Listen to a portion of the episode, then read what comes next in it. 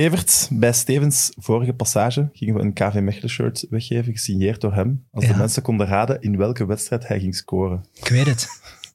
Gaat hij nog scoren? Ik heb, ik heb liggen roepen zondag voor de tv, want KV Mechelen kreeg een penalty en de voer maakte zelfs geen aanstalt om die bal te pakken. Ik snapte er niks van. Je wilt toch een keer scoren voor die ploeg. Dat is niet meer dezelfde. Gaat hij dus nog scoren? Ehm, nee. Mit Mit, de voetbalpodcast van Friends of Sports. Nu ook op PlaySports. Welkom bij Mid de wekelijkse voetbalpodcast van Friends of Sports en Play Sports. Welkom ook aan onze special guest.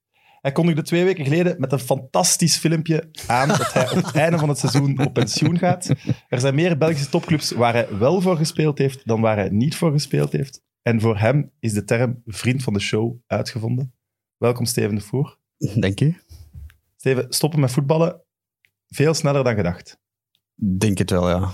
Ik denk dat je op je minst tot je 35 zo, zo het officiële pensioen is voor voetballers. Dat je tot daar wilt voetballen, maar ja. Soms gaat dat niet, hè. Wat ik het rare vond, twee weken geleden, of het is iets langer geleden, de wedstrijd tegen Anderlecht, dan loopt jij meer dan 11 kilometer.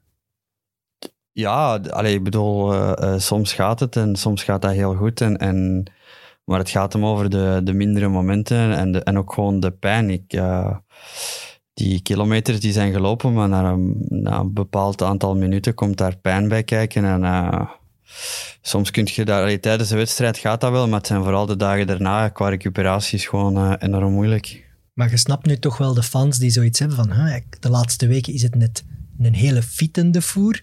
Hij is precies terug helemaal in orde en net op dat moment kondigt je afscheid aan. De fans Als begrijpen jij hem het niet. bedriegt dan? Of, Ja, op dit moment wel, maar ik had de beslissing eigenlijk al, al veel langer genomen. En eh, ehm, ik ben er eigenlijk ook eh, heel opgelucht over dat het, eh, dat het achter de rug is eigenlijk. En die pijn, dat, dat komt gewoon tijdens de match. De pijn waarvan je denkt... Tijdens de match, na een zware training of zo, dan de dag daarna is ook altijd, s s'morgens is altijd heel moeilijk stappen. En ehm, ja, soms eh, dan moet ik daar ook eh, tijdens de opwarming nog even met die pijn door en dan gaat dat een beetje over, maar dan, dan komt dat soms nog terug bij bepaalde acties. Dus ja, die wedstrijden die speel ik en eh, de, laatste wedstrijden waren wel... allee, ik denk, de wedstrijden die ik gespeeld heb waren wel oké. Maar ehm, van mezelf weet ik dat ik veel beter kon of, of, of kan. Maar ik kan niet meer die... is het dat dan vooral eigenlijk? Dat je niet meer tevreden genoeg waart over het niveau dat je kon halen? Terwijl, ik vond het ja, maar het is ook vooral de dagelijkse pijn. Hè. Ik denk dat... eh, ik weet niet of je, of je dat... Of je dat al eens gehad hebt, dat je zo een, een tijd met, met pijn moet rondlopen, dat je daarmee moet opstaan en dat je daarmee naar, eh, in jullie geval naar werk mee moet gaan of zo. Dus ik moet daar eh, ehm, eh, inspanningen mee leveren, dus, dus mee gaan voetballen. En dat is, gewoon, eh, dat is gewoon niet fijn. Dat is gewoon geen leuk gevoel om daarmee te trainen. En het liefste wat dat je wilt is... Ja, het liefste wat ik wil is voetballen op een veld. En als ik dat niet kan doen hoe dat ik dat, dat wil, dan, dan heeft dat weinig zin. Dan is het ook een beetje mentaal en niet alleen fysiek. Ja, het is, zeker, het is zeker ook mentaal. Ik kan het ook gewoon niet meer... eh, eh, na de wedstrijd tegen Brugge was het dat ik... eh, ehm, mijn makelaars, die tevens ook mijn, mijn beste vrienden zijn, heb ik heb gebeld van... eh, het is genoeg geweest. Ehm, het, het moet voor mij niet meer. En, ze hebben mij toen overgehaald om nog eens alles te geven tijdens zo'n revalidatie van, wat was het, twee à drie weken of zo. Ehm, heb ik dan gedaan. En dan ehm, Want dat was drie tegen, weken- tegen Club Brugge was dat je geblesseerd tegen Club Brugge, ik, eh, ja, geblesseerd, maar dan kijken ze en dat er eigenlijk gewoon wat vochtophoping is tussen de kuiten. Het is niet echt iets gescheurd of zo, maar dat, dat deed verschrikkelijk veel pijn. Maar je hebt meteen schrik door alles van het verleden. Ja, maar het Ja. voelt eigenlijk aan als een scheur eigenlijk, maar er zit zoveel littekenweefsel in mijn kuiten dat het eigenlijk ook niet meer zo mooi glijdt als, eh, als spieren glijden in een kuit natuurlijk. En eh, dat is gewoon niet, niet aangenaam. En dan, is het in de kleedkamer aankomen en in je hoofd al even... ik Ja, gewoon die avond. En dan zeiden ze van, slaap er nog eens een nachtje over. eh probeer daar nog eens een nachtje over geslapen. Gewoon nog altijd hetzelfde. Na twee dagen, drie dagen, een week. Altijd hetzelfde. En, ja. Als je, als je moet leven met een constante pijn, ja, sorry, dan, allee, dan kun wij kunnen dat toch nooit in zijn plaats beslissen als ik dat zo hoor. Ja, absoluut. Dat je s'morgens opstaat en elke dag opnieuw dat je pijn hebt. Ja, dan wordt het toch kotsmeug. Wat kun je doen? Je kunt wat pijnstillers nemen. In het voetbal spuiten ze misschien af en toe nog eens iets in. Maar op lange termijn, Ja, absoluut. je gaat daar mentaal toch aan kapot. Het, het, het ding is gewoon van, je blesseert je dan eigenlijk niet, maar je moet de kuit wel laten rusten en dan moet je weer zorgen dat je niet te veel conditie, dus je moet weer die fitnesszaal in, die oefeningen weer gaan doen, diezelfde oefeningen die je al een paar jaar aan het doen bent en dan ook weer eh, die cardio-oefeningen, dat je weer op die fiets moet gaan zitten. Dat is niet wat dat je wilt doen. Je wilt voetballen en dat is al de zoveelste dan, ik zeg maar, eh, revalidatie. Eh, je bent al eens eh, acht maanden uit geweest met je kuiten, negen maanden met je knie, daarvoor nog eens een gebroken voet, zes maanden, je schouder geopereerd, dat is nog eens drie maanden. Ja, nee, nee, nee. Ik begrijp het. Op, op een bepaald moment, en dan weet je dat die kuiten altijd gevoelig zullen zijn en dat er altijd wel iets gaat, mee gaat gebeuren, je weet alleen niet wanneer. En zo is het ook gewoon niet, niet, fijn, niet fijn voetballen. Ja, die laatste keer heb ik dan nog eens ja, alles gegeven en dan val ik in tegen, tegen Standaard en dat voelde eigenlijk zeer goed. Tot op het einde dat ik een sprint moet trekken en dan voel ik dat weer trekken. En toen heb ik ook echt gezegd, eh, de dag daarna heb ik eh, tegen Tom Kaluwe gezegd van, het stopt hier. En eh, het hangt alleen van jullie van de trainer af of het nu stopt of of het aan het einde van het seizoen stopt. En dan, Toen heb ik met de trainer gepraat en ik zeg, kijk trainer, eh, wat wilt jij? De trainer wou dat ik nog doorging tot het einde van het seizoen, omdat ik zowel de tijd dat ik op het veld sta of op training ben, langs het veld, dat ik eh, belangrijk ben. En hij wou dat ook doortrekken, omdat we toen ook nog niet echt gered waren. Toen was dat. Ehm, maar Maar je eh, zegt dan tegen, tegen Franke, tegen Kaluwe, oké, ik ga doorspelen met die pijn voor jullie. Ja, dus zij wouden graag, als het gaat, doe het alsjeblieft nog tot het einde eh, van het seizoen. Ik zeg ja, ik dan, maar alleen als, wanneer het nodig is. Dus toen maar was, nu sta eh, je er elke week in. toen was Joachim ook nog, die had toen, eh, eh, die speelde toen nog. Dus eh, dan ook zo bepaalde trainingen, dan kon ik al zeggen van ja, nee, het gaat, dat doe ik nu niet. En eh, dan, dan ging dat weer wat stilletjes aan beter en dan moest ik eens een kwartier invallen omdat we 1-0 voor stonden of, of eh, een score vasthouden. Gewoon, op, gewoon puur op ervaring die eerste weken doorgekomen en dan begint dat iets beter te gaan. En, en ja, nu ben ik, eh, nu ben ik aan het spelen, maar het, het, is gewoon een... Ja, eigenlijk zou ik zonder, eh, zonder daarin... Normaal moet je een wedstrijd 90 minuten zonder problemen in de Jupiler kunnen uitspelen zonder al te veel, zonder al, al te veel problemen. zeker Steven de Voer, lijkt mij. En dat, dat kost nu gewoon enorm veel moeite en qua re- recuperatie is het ook gewoon heel moeilijk. Maar ik ben wel blij, want we hadden hier vorige week Timmy Simons. En normaal zeg je, ja, zeg je bang van het seizoen te veel. En hij zei, Ja. ik ben heel bang voor het seizoen te weinig. En ik dacht wel, shit, moeten we niet oppassen met Steven, dat dat misschien het seizoen te weinig is. Maar dat, gaat, dat gaat het niet. echt absoluut niet zijn. Absoluut niet. Nee. Als ik u allee, nu zo bezig hoor, heb ik inderdaad wel het je had eigenlijk al beslist. Het is zelfs Ja. geen keuze niet meer, er is geen twijfel meer in uw hoofd. nee, er is zelfs niet van, oh, misschien gaat het nu toch beter of zo. Misschien moet ik dan nog eens een jaartje erbij doen, maar er is te veel pijn ook gewoon. Oké, maar stel, KV Mechelen wint play-off 2. Gaat Europa nog in? Nee. Oké. Nee. Ik, ik- Maar eigenlijk blij of is het Maar wel, ik, ik ben, ja... We, is het wel zo'n beetje shit, play-off 2 nog? Nee, het is, niet shit play-off 2. Ja, we kan hebben, we hebben, we hebt. hebben eh, eh, zondag een heel goede wedstrijd gespeeld en wij wouden die absoluut winnen. Eh, eh, nog een soort van eh, eh, uit, uitgelaten sfeer eh, in de kleedkamer. En eh, we gaan er alles aan doen om in Europa te geraken, maar dat zal volgend jaar wel zonder mij zijn. Oké. Ga je nog scoren? Ik score liever op de vrije trap dan op de penalty. Oké. Vanaf nu neemt de, neemt hem de vrije trappen. D- dat is ook wel waar eigenlijk. Een penalty, dat zou niet de goal van de voer bij Mechelen mogen zijn, een penalty. Laat het dan inderdaad een vrij schop zijn. Maar dan wil ik ze wel zien trappen in play-off 2. Allemaal, hè, van overal. krijgen Hè. natuurlijk. Links, rechts, overal. Zotte schwalbes. Ja, echt. Tegen iedereen zeggen, ga liggen jongens, ik moet hem trappen. Nee, maar toch ook ergens wel dat gevoel bij die fans die leven van, hij moet nog een vol stadion hebben als afscheid. Dan Dat moet wordt moeilijk, hè? Dan moet, nee, oké, maar dat, dat- hij mag stoppen met voetballen, maar dan moet er dan ooit wel eens komen.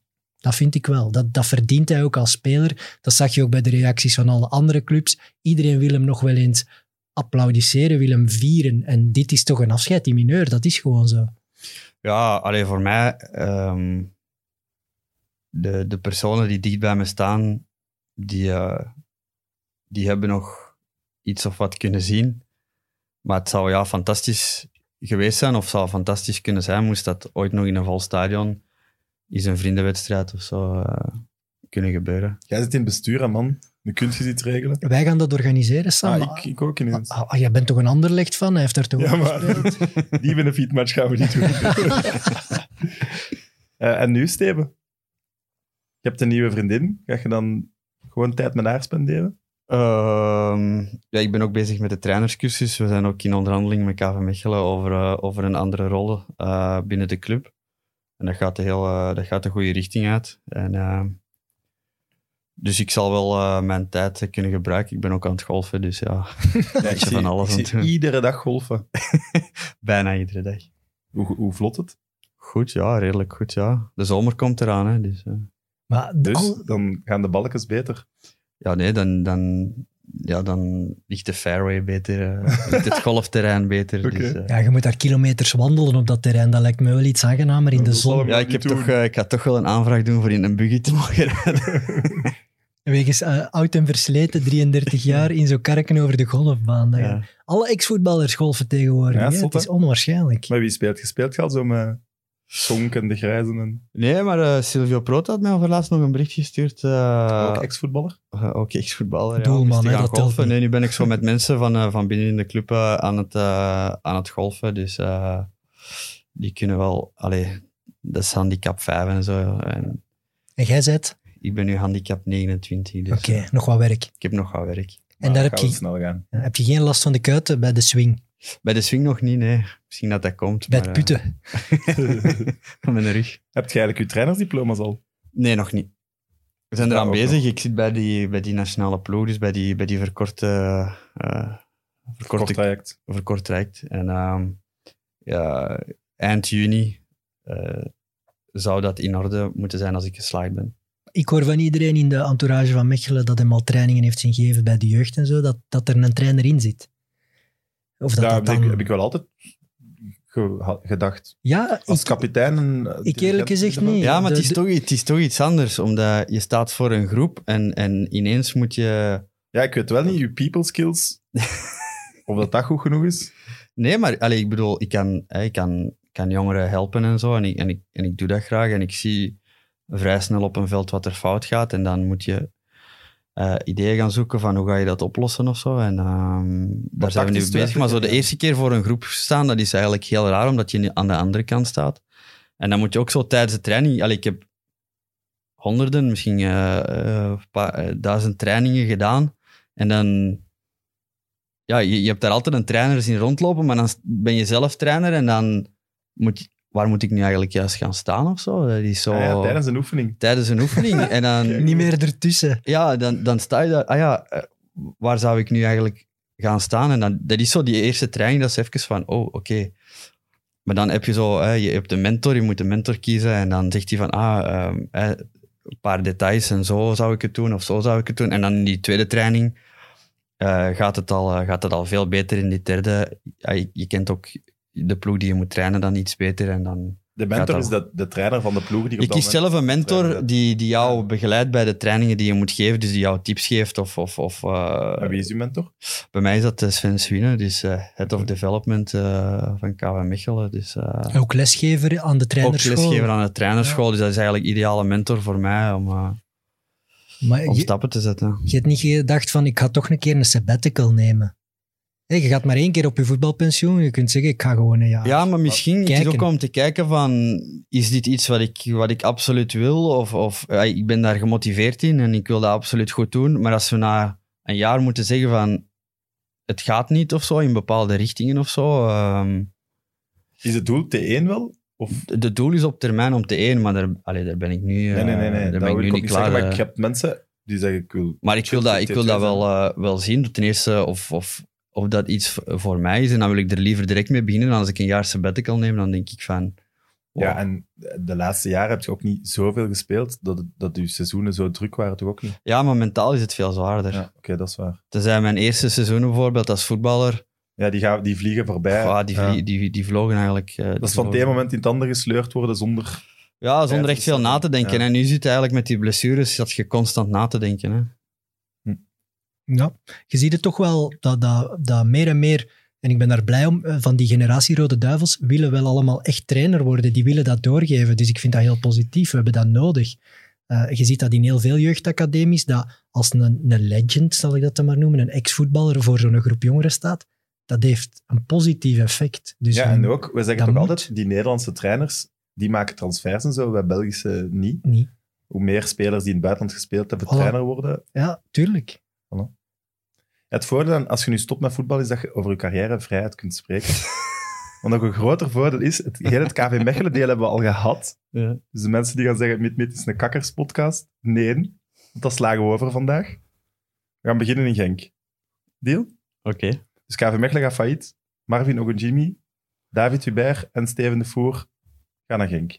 Ja, gaat er veel. Hè. Bram Kriel eh, is toen ook naar Genk gegaan. eh Stallon Limbombe is toen ook naar Genk gegaan. eh, Maar jij was de beste, hè? Allee, jij, Ja, wel, nu het werd is een nee. goede vraag. Ik heb Van een goede vraag het van Marvin verwacht. Ogunjimi. Ah, oké. Wie scoorde de meeste goals bij de jeugd? En je moet eerlijk zijn.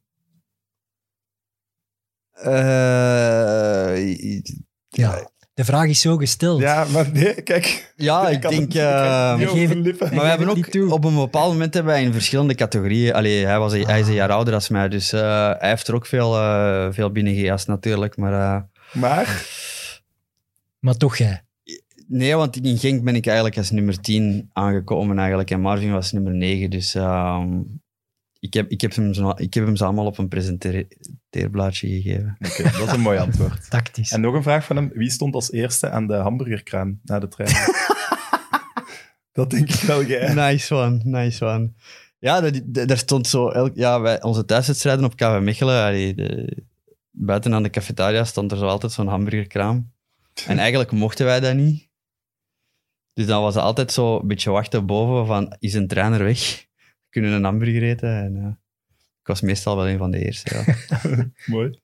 Het gaat heel snel bij Genk. Ja. Van der Rijken laten debuteren, maar in een mum van tijd zeg je de dirigent daar. Ja, allee, ik, ik moest, hè, dus ik had dan... eh KV Mechelen ging failliet. En ehm, dat was eigenlijk al vrij vroeg in het seizoen toen of zoiets. ehm, dat, dat dat eigenlijk beslist was, want toen zijn er spelers van standaard eh, gegeven aan, aan, aan KV Mechelen voor dat seizoen te kunnen uitdoen en zo. Ehm, Ja, in de jeugd dan. nee, eerste ploeg, hè. Ah. Eerste ploeg, hè. Dus eh, met heel veel, allee, eigenlijk jeugdspelers van andere, van andere ploegen. En van KV Mechelen eh, een eerste ploeg gemaakt. En ehm, ja, ik was, ik was nog te jong, maar ik had toen al eigenlijk... Ik had toen na het faillissement getekend voor Genk. En dan mocht ik ook elke donderdag gaan trainen in Genk. En dan moest ik eigenlijk... Ze zeiden van, je moet het seizoen beginnen bij je eigen leeftijd. Mijn eigen leeftijd was 15 jaar. Dus ik, 15 jaar, dan werd je min 16. en ik speel eh, de voorbereiding. En na twee maanden zeggen ze van, ja, je mag naar de belofte gaan. En dan van de belofte... Met de belofte trainen. En dan het weekend spelen met de min 17. En dan dinsdag op de, op de bank zitten bij de belofte. Eh, en dan was altijd zo'n half uur invallen. Dus dan speelde ik zaterdag, dinsdag, zaterdag, dinsdag. En op het einde van het jaar zat ik dan ineens op de bank bij de eerste ploeg toen eh, Van Geneugde en De Nier hadden overgenomen. Maar dat was eigenlijk zo meer als negentiende man eigenlijk, maar ik mocht mee op de bank zitten. Maar ik was toen pas, pas 16 geworden. En dan nieuw seizoen komt eraan. Eh, ik was toen 16 en eh, Van der Rijken wordt trainer. Ik zou Van der Rijken niet associëren met iemand die jeugd brengt. Maar er waren dus, er was, het was beslist door Genk, het bestuur, dat er vijf jeugdspelers naar de eerste Ah. ploeg gingen. En dat was Jordan Remakkele was dat, ehm Pocconioli, Faris Haroun, Kenneth van Goetem Wat al, David? en erbij? David... Nee, nee, nee, nee. David, da- eh, David niet. Ah, eh, En- David Triantafilidis was erbij. En eh, toen zei Van der Rijken allemaal terug. Dus hij had die beslissing teruggeschroefd. Dat Sam alle heeft beloften, gelijk. ja. dus al die beloften eruit. En Van der Rijken zegt, ik pak er een uit. Allee, Ik als ze goed zijn, ja, ja. ik kies. Wat Dus- ik ook snap. Ja. Van een coach dat denkt. Ehm, dus de voorbereiding allemaal met de belofte. En na, denk in september of zo. En dat was eigenlijk raar, want wij spelen met de belofte reserve, wat is dat dan ook geworden? Een, een wedstrijd tegen, waar ik wil er vanaf zijn, Lokeren of Beveren. En wij verliezen met 4-1 thuis. en Van Geneugde was toen trainer. En die komt de maandag in de kleedkamer. En hij pakt me eigenlijk vrij hard aan voor de hele kleedkamer. Dat ik bij mijn gedachten niet bij voetbal was. Omdat er zo'n paar eh, eh, schoolvrienden kwamen kijken. En die waren mijn naam aan het roepen. En ik dacht Hmm. dat, dat hij dacht van, hij is niet met voetbal bezig of zo. En dan, ik was er eigenlijk kei kwaad over. Want hij had er totaal niks mee te maken. We hadden gewoon een slechte wedstrijd gespeeld. Ja, maar had dat daar echt niks mee te maken? Nee, dat, wij waren gewoon ja, niet goed. Allee, of wij Ja, ja oké.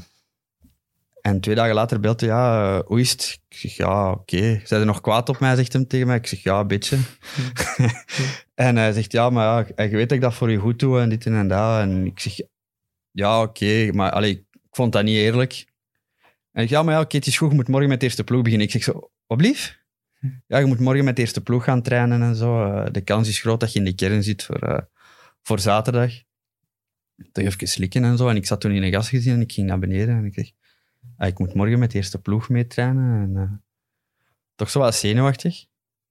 En toen is eigenlijk de bal aan het rollen gegaan. Hè, en dan, eh, Maar dat komt toch niet uit het niks. Dus je moet daar bij Genk toch al gevoeld, al heel lang gevoeld hebben van bovenaf ook wel, dat je daar een, dat je daar een Ja, de uitzonderlijk verhalen talent die over de voer in de jeugd van Genk hoort, waren Je voelt Ja, dat ik- toch komen als je zo snel naar die belofte moogt en dan meteen behandeld wordt door een van geneugde die T1 is bij de eerste ploeg, dan weet je toch, ja, mijn kans gaat hier heel snel komen. Ja, absoluut. Maar dan weet je, met Van der Rijken, die, die dan aan het seizoen, die zet dan al die beloften terug. Dan, dan, denk, dan Ja, denkt iedereen van die jonge gasten van oei, oei, wat gaat er nu gebeuren? Gaan er wel beloften over mogen of zo? En dan, toen ben ik al de eerste die overgegaan is. En heb ik in dat seizoen een paar invalbeurten eh, gehad. En, eh, Het jaar nadien speelt je bijna alles onder en het jaar nadien speel ik eigenlijk een heel goede voorbereiding, maar eh, het ding was, Faris zat voor mij in de piekorde. En toen speelde die... eh, ja, Van der Rijken was eigenlijk goed. ontslagen met Europees voetbal, maar dat was... voor Genk zeiden ze was te defensief. En hij werd ontslagen met Europees voetbal en Hugo Broos komt. En als ik me niet vergis, was dat middenveld Justice van Voor, Koen Daarde. Ja. En, eh, en dan Faris Haroun als backup. En ik daarachter. Maar het, de voorbereiding begint en ik speel een, een heel sterke voorbereiding en Faris speelt een iets mindere voorbereiding. En dan komt die eerste selectie van de competitie uit en ik ben in de 18 en Faris niet. En zo ben ik dan eigenlijk in de piekorde vooruit gegaan. En ehm, Want jij even oud. Nee, nee, Faris is drie jaar ouder of zo als mij. Ah, oké. eh, Maar hij had als eerste zijn, ah ja, als 18-jarige zijn debuut gemaakt bij Genk. die nu zo oud? Dat wist ik wel niet. maar in dat tweede seizoen is hij eigenlijk zo ja, een beetje aan de kant geschoven door Van der Rijken en zo. Hij heeft heel weinig gespeeld. Ja, vanaf dat je in die selectie zit bij die eerste competitiematch, weet ook, Ja, ik ga voilà, dat hier niet meer ik- afgeven. Hè? Voilà, ik ga dat niet meer Ja. afgeven. En dan na een paar wedstrijden, het seizoen is een beetje eh, op... Allee, het begint eigenlijk niet zo supergoed en je speelt ook Europees.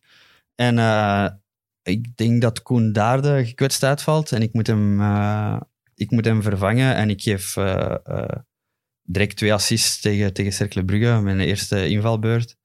Dus daar was eigenlijk de bal een beetje aan, de, aan, aan het rollen gegaan. En dan denk die week daarna spelen we Europees een terugwedstrijd, omdat we daar 2-2 hadden gedaan.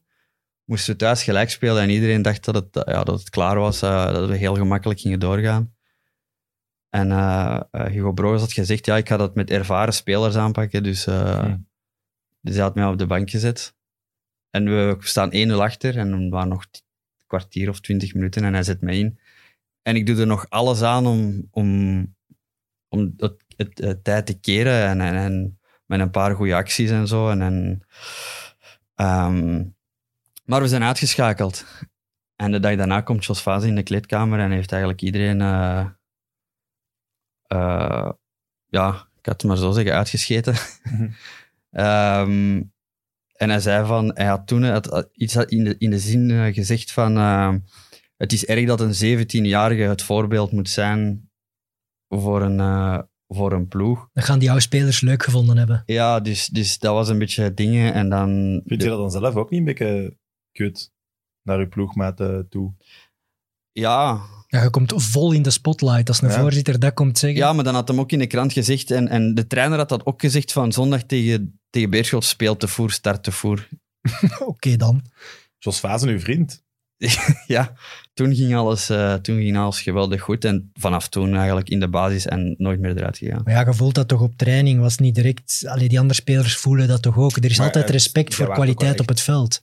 Zeer snel bij de beste daar. Hè? Allee. Ja, want die op het einde van dat seizoen word ik ook als beste speler verkozen Ja, voilà. door, door, de supporters, eh, door de supporters van Genk. En eh, als 17-jarige, toen was ik pas 18 geworden. Maar was je daar klaar voor dat het zo snel zou gaan, ook mentaal? Maar ik dacht er eigenlijk kind, weinig bij na Zij- op dat allee, moment. Ik vind dat wel zot snel. En tegenwoordig is het meer en meer. Dat 16, 17-jarigen, dat, dat zijn al spelbepalende spelers. Maar daar komt Ja, toen was eigenlijk druk nog bij vrij kijken. nieuw, omdat Ja, je, je was- had Company, die, die was doorgebroken, Van den Borre was zo ook. Ja. En dan eigenlijk Faris Haroun was de derde. En ik de... Maar die druk is dan toch enorm. Als je zelfs in een Europese match het tij moet eh, gaan ka- laten kantelen. En, allee, er komt toch enorm veel bij kijken waar je als beloftespeler niet mee bezig bent. Ja, maar ik dacht daar ook... allee, die dingen is wat jij zegt, ik dacht daar niet aan. Ik, zei, ik, ik, geef mij gewoon een bal op een voetbalveld en ik begin te voetballen. En, en De mijn media, allereerste wedstrijd, toen ik moest Ja. invallen, was ik wel een beetje eh, nerveus. Maar voor de rest... eh, Media. ik had eigenlijk niks te verliezen, omdat... ehm, maar media, op dat moment is hij ook de chouchou. Hè? ja, die- Kunt je weinig misdoen in media? Ik kwam ook? eigenlijk uit, Ja. de, uit, uit de jeugd en, en de jeugdspeler. En het ging eigenlijk, die jongens, de, de gevestigde waarden hadden eigenlijk een beetje gefaald. Ja, die krijgen meer druk, ja. Die kregen meer druk en ik speelde dan. Ik speelde in het begin eigenlijk heel... Allee, ik speelde heel dat seizoen eigenlijk supergoed. En ja, toen is het begonnen. Hè. Als je nu terugkijkt op die periode, heb je spijt van die blonde mesjes? Toch. Ja, die blonde mat. ik dacht dat hier een voetbalpodcast was. Ja, maar als je een presentator hebt met zo'n snor, Ja, dan maar- moet je ook wel wat, wat, wat stijladvies geven aan de mensen thuis. Nu, nu, ja. Bij mij gaat het beter bij de jaren bij hem. Is het Ik andersom. vind die snor met dan nog dat geblondeerd haar van u toen, dat zou het wel Ja, die afmaken. snor is een weddenschap met Dennis Zuid. Die hebben dat ook eh, gezegd. Mijn haren waren ook wetenschap. Nee, dat geloof ik niet. Maar eh, die, goal tegen Roeselare, die wordt ook altijd eh, naar boven gehaald, omdat Ja. dat gewoon ook uw enige goal was. Daar Dat was mijn enige goal Ik ben daar enorm van denk- verschoten. Ja, ja, je maar één goal hebt Ik denk gemaakt. dat ik 29 wedstrijden had gespeeld dat seizoen en eh, één goal. Dat is dan toch het minste, want je komt uit de belofte, je jeugd, waar je er veel maakt en de eerste ploeg direct toch... Ja, ik ben altijd lager en lager gaan la- in posities lager en lager gaan spelen eigenlijk. En direct de aasgieren er ook er rond. Ja, 17-jarige gast, dragende speler bij Genk. Ja, en Genk had eigenlijk vrij snel een nieuw contract eh, toen, toen Ja, voorgesteld. En ehm Zo rap mogelijk vastleggen, denk je. zo rap die. mogelijk Ja. vastleggen. En dat werd toen na de wedstrijd tegen Roeselare werd dat geofficialiseerd. En dat was... Die dachten, amai, die scoort. Die gaat nog veel scoren. Ehm, ja, dat was eh, een, een salaris. Ja, dat was... Ja, Te weinig. Dat is geweten, hè, dat verhaal. ja te weinig voor de status die ik Achteraf. Toen als speler had, eh, had opgebouwd. Anderzijds, Jij vond dat te weinig of de mensen die rondom u ik wist stonden? daar eigenlijk niks van. Ik wist daar eigenlijk niks van. Nee, voor u- voor u was dat veel geld. Ja, want ik begon, ik begon als semi-prof bij Racing Genk eh, met 1500 euro per maand. En ze zeiden van, vanaf dat je in de eerste ploeg komt, wordt dat herzien.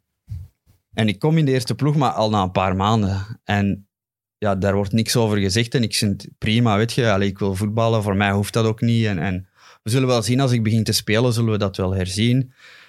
En ja, na anderhalf... Allee, ik zat dan al een jaar in de A-kern. En dan na zes maanden, toen ik echt zo zes maanden goed aan het spelen was, werd dat herzien. En dat was eh, ja, van 1500 naar 4500 of zo gegaan. Ehm, voor mij is dat een veelvoud. Dus ik was... Allee, Dus jij dacht moment- echt van, oké, wauw. Ah, oké, wauw. Kastje. en toen is er eigenlijk, dat is heel raar, en op een bepaald moment in Genk is er een cashflow-probleem. Komt Jos Vazen in de kleedkamer en zegt van kijk, voor twee maanden, eh, de komende twee maanden gaan de grote salarissen in, in eh, de helft verdienen. En dan wordt dat na twee maanden eh, teruggestort. Mhm. Dacht, oké, en ze hadden mij ook gezegd van dat ik... eh, Jij hoort daarbij. ja, jij had mij gezegd van, jij hoort bij de, bij de topverdienende spelers. En ik kijk mijn volgende loonbrief en dat is hetzelfde. En ik, ik dacht zo, ah, hebben ze dan toch eh, een oplossing of zo gevonden? Ehm, Maar zo hebben ze zich verraden. Jij zat eigenlijk bij de ja, maar toen, ik zei dat toen tegen mijn toenmalige makelaar en ik zei, ja, maar we moeten niks van aantrekken. Je bent nog altijd bij de topverdieners en, en, en zo. En ik zeg, ah ja, oké, alles goed. En eh, een paar maanden later komt Ajax Hij nodigde me uit voor een, voor een wedstrijd, een bekerwedstrijd toen. Eh, naar daar gegaan, met die mensen gepraat, hun, hun, hun, hun, visie over de, de sportieve, eh, sportieve visie. En dan een week daarna is mijn makelaar toen met die mensen gaan praten over, over salaris. En eh, En dat was dan nog eens tien keer zoveel waarschijnlijk. goh, ja, dat was eh, ja, maal tien was dat toen. Ehm, en dat is ook zo, ja, de sportieve dingen uitgelegd van ja, kijk, zo Toen gingen en uw ogen open van... Toen gingen mijn ogen open. Oké, dat, is, dat is een groot verschil. Maar oké, misschien Ajax, Genk, allee, Ik denk dat dat sowieso wel een verschil is, maar het maar is wel eh, een groot verschil. het, het was een enorm, een enorm verschil. Ook voor een jonge speler. Ik was uiteindelijk nog maar 17, 18 jaar. Ehm, maar ik zag ook maar ik dacht ook wel van, oké. Ajax gaat komen en Genk gaat zeggen van, oké, We matchen dat of we doen een inspanning. of we doen een Ja. insp... Allee, we gaan niet moe- En blijkbaar had mijn makelaar ook toen tegen mij gezegd van, ja, Genk zal wel meewerken aan een transfer, we gaan niet moeilijk doen. En toen zijn Aj- 5 miljoen wou Ajax geven. Eh, tot 5 miljoen wouden ze gaan, maar eh, eh, ik had toen ook 15% op de transferprijs. En het eerste gesprek, want toen had ehm, Martin van Geel, was toen technisch directeur, had mij opgebeld daarna van kijk Steven, dit gaan we niet doen. Het is eigenlijk belachelijk, wat, wat, wat Genk vraagt, daar doen wij niet aan mee.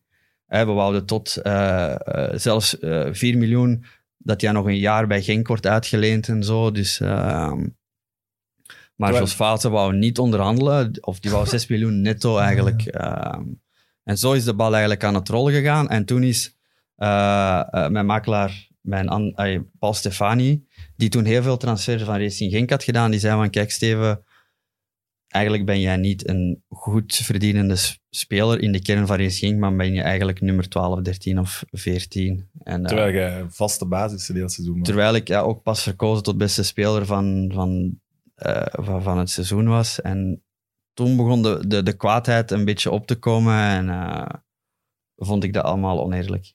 Maar ik zag ook sportief wel de match met Ajax. Ja, maar het was ook een mooi project hoe zij het Voilà. voorstelden. En, Het was, niet, en het was toch niet alleen het wij waren met twee spelers voor een, eh, voor een positie. En eh, ja, hij- zij zeiden ook van, jullie twee moeten het uitvechten. En eh, punt. Wie was die andere speler? Dat was een zweet. Eh, ik, zou, ik zou het niet weten. Het is wel iets dat, dat, dat ik altijd heel interessant vond aan uw carrière, is inderdaad dat startpunt. Bij Genk, als je naar Ajax gegaan, ik weet dat het heel moeilijk is hè, om achteraf Ja, te gaan terugkijken. Maar. toch, dat voelde toch voor mij heel goed aan. Een jeugdspeler die bij Ajax terechtkomt, dat is toch iets helemaal anders dan wat dat je Ja, uiteindelijk maar je weet dat Ajax altijd heel graag met jeugdspelers of met... Ja, met, eh, met Dat had uw carrière kunnen veranderen. Had mijn carrière kunnen, kunnen, kunnen veranderen. En, en je weet natuurlijk, het, het had gelukt kunnen zijn of het had niet gelukt kunnen zijn. En, en, maar ja, dat, dat zullen we nu nooit weten. Maar ik zag de match met, eh, Had je- eh, met Ajax wel, wel, wel zitten. Had je, had je niet nog harder zelf dat kunnen afdwingen en zeggen, ja, maar Jos, dat is goed, maar dan speel ik niet meer totdat je dat tekent hier met Ajax? Ik weet Ja, niet hoe dat heeft, het wel hard genoeg gespeeld. Ik heb, het, Vazen, ja, ik heb het vrij hard gespeeld. Ja, en en, en ik ik ook. heb toen ook gezegd van... Hè, toen Martin van Geel had tegen mij gezegd van... Hij belde mijzelf, ik wil het jou persoonlijk vertellen, maar hier doen wij niet meer aan mee. En toen zag ik mijn droom een beetje uiteenspatten en ik dacht van Ajax... Wij hebben eigenlijk een beetje inspanning. Wij hebben niet moeilijk gedaan bij contractonderhandelingen of zo. En, en En 5 miljoen krijgen voor een speler die, eens die eigenlijk nog niks bewezen heeft. En in die tijd was dat enorm, Ja, eh, enorm veel geld. Was het dan druk zetten om u 15% te laten vallen? Ja. Ja, ook al. Daar, daar moest het mee beginnen, maar ze vroegen ook gewoon 6 miljoen. En Ajax zei, ja, nee, dat, Dat is te veel. Dat is, dat is te veel. Dat Jammer, Maar Jos die gaat wel Ja. door heel die transfer... Allee, het schijnt dat het daardoor is. Stopt hij wel als voorzitter. Ja, dat kan. Maar allee, Maar is het dan... Allee, ik geloof u wel, maar kan het dan niet zijn dat je gewoon ook slecht omringd zijn dat de mensen die toen bij u waren ook vuile dingen gespeeld hebben of verkeerde dingen hebben aangepakt? Of... ehm, dat kan. Dat- Want ik denk gewoon... Als, maar ik als- heb... Maar, ik, was kwaad, dat- ik was kwaad en ik heb ook... Oké, dit, dit kan niet. En misschien had dat op termijn uitgepraat kunnen worden. En, en, maar dat is toen heel snel heel fout gegaan. En toen, hebben wij, toen heb ik ook... Eh, want eh, Jos Vazen heeft mij toen een aantal dagen daarna bes- eh, gebeld om te zeggen van... Wij matchen het contract van Ajax. Ja, dat is te inspanning, laat. En, en ik heb toen gezegd vanuit eh, uit Colère ook, om, om, ja, ik, ik voelde mij verraden en ik zei van, ja, nu kun je dat wel geven. Waarom kun je dat nu geven en toen niet. En En daar Maar je hebt, dat op toch- een, je hebt dat op een iets andere manier gezegd. nee, ik heb, dat, allee, nu, allee, ik heb gezegd van ja, oké, maar dat, Zij beleefd gebleven wel. ja, allee, beleefd in de zin van, ik heb gewoon gezegd van waarom, waarom geven jullie dat nu? En, en, en vroeg, ja, maar dat is het, dat is het spel. En nu begrijp ik dat, in, in de zin van, hè, maar toen was ik 17, 18 jaar en ik, was ik zo naïef dat Ja. je eigenlijk, dat automatisch de beste speler het, het meeste geld krijgt. Dat, dat dat ook automatisch gedaan werd.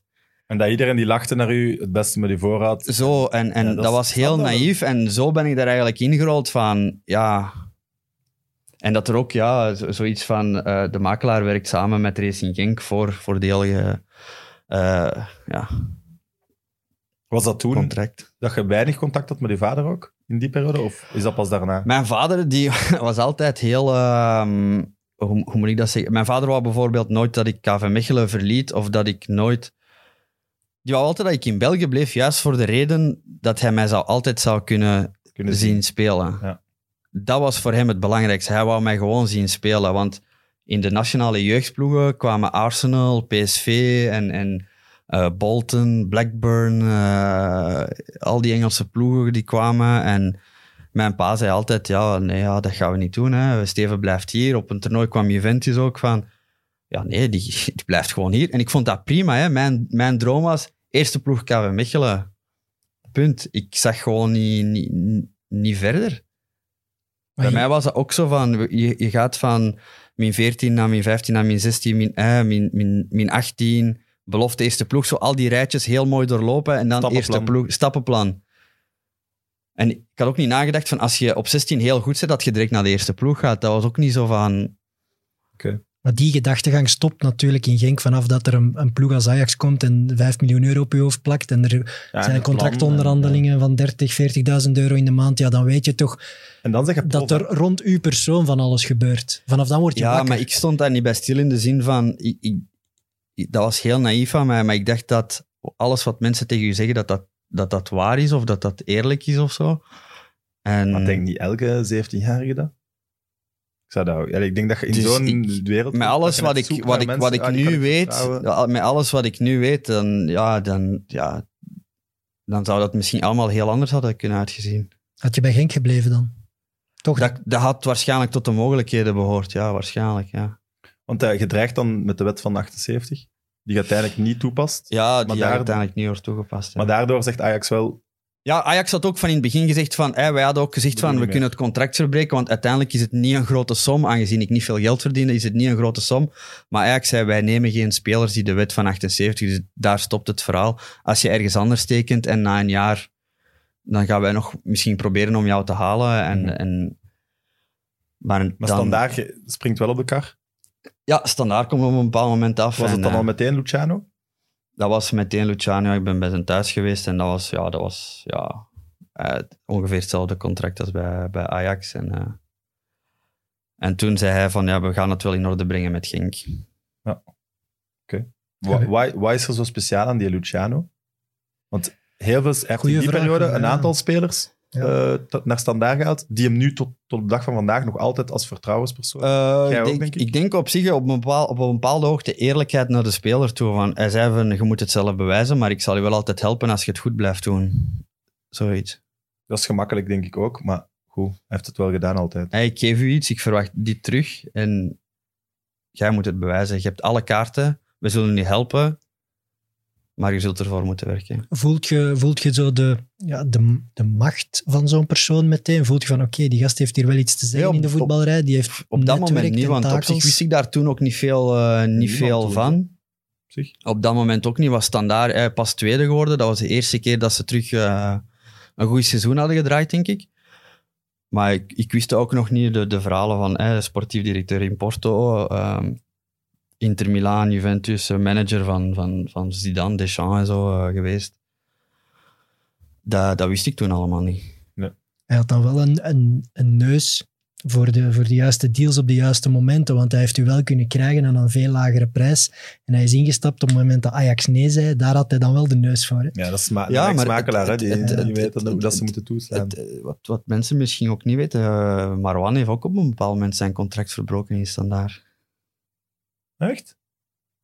Voor naar Everton te gaan. Nee, nee, nee, nee, nee, nee, maar hij wou een contract, eh, een nieuw Ah. contract en hij zat nog met een soort van jeugdcontract of zo en dan werd daar heel moeilijk over gedaan en hebben ze dat even laten sudderen en dan heeft Luciano dat op zich toch nog in orde gebracht. Vond je dat spijtig dat er dan rond je persoon een negatieve perceptie gecreëerd werd? Vooral vanuit Genk. Van die, die steekt hier mes in onze rug, Ja, die dreigt met een wet waar wij niet achter staan. Na een maand is het Genk standaard. En dan, het, het land is echt daar zot mee bezig. hè. Dat is met politiebegeleiding dat je naar dat stadion Het was moet. allemaal nieuw en daar werd, ja, Ja, Jos, dat Hazen had daar toen ook een, een interview in de krant gegeven. Het is oorlog of zoiets. En, eh, Maar dat was Puta de Voer en vanaf deze brug ga je dood. Als, als ja, maar ik had toen ook zo'n paar uitspraken gedaan over de supporters van Genk. En, en ik had de supporters erbij betrokken en dat had ik eigenlijk niet moeten doen. En, eh, Die had- hebben daar ook niks mee te Wij hadden maken, toen ook... Allee, ik speelde toen veel, maar ik, ik- Engelaar die werd toen veel op de korrel genomen. En ehm, dat was een van mijn goede vrienden, omdat ik, dat, ik vond dat een fantastische voetballer, maar die speelde altijd op een positie wat niet van hem was, bijvoorbeeld. Maar ik vond die op training was een fantastische voetballer. En ik vond dat zo erg dat hij zo op de korrel werd genomen door Genkse fans, dat ik toen zo'n uitspraak, ja, maar de sfeer in Genk is niet altijd eh, geweldig. En dat hebben ze mij ook heel kwalijk genomen. En, eh, Dat moet toch intimiderend zijn als je van Luik naar Genk rijdt en eh, je weet dat alle over die dag op over. Maastricht. eh, Ja, ja, die hebben een andere route moeten eh, nemen en zo. Omdat ja, de fans stonden wel echt klaar. En ik heb gezien in eh karakters met Ben Krabbe dat uw pa naar Vaze gebeld heeft om te zeggen, kunnen we dit niet een Ja, beetje onder controle houden? Dat hij zegt, dat hij gewoon zei, man, de fans, eh, die kan ik niet onder controle houden. Dat hij eigenlijk van Genk uit ook niks... Ja, de sfeer werd toen zo'n klein beetje opgeklopt eigenlijk. Hè. Ik vind wel dat je er vrij kalm onder blijft. Ook zo. Maar dat is ondertussen Ja, nee, maar toch die emoties komen 15 misschien toch terug. Ja, maar die wedstrijd heb ik vrij, eh, vrij goed gespeeld. vrij goed gespeeld en, en eigenlijk heel kalm gebleven. En, en ja, Maar dat is jij zoiets... zegt, jij zegt over, dan na die match zeg je bijvoorbeeld altijd, of, of wordt dan gezegd, als de voer uitgefloten wordt, is hij beter. Maar dat, dat geloof ik niet. Als ik u allee, een beetje ken, hoe dat ik u ken, dan denk ik net eerder niet. Maar dat dat toen die match gewoon heel toevallig wel allemaal samenviel. Ja, dat kan.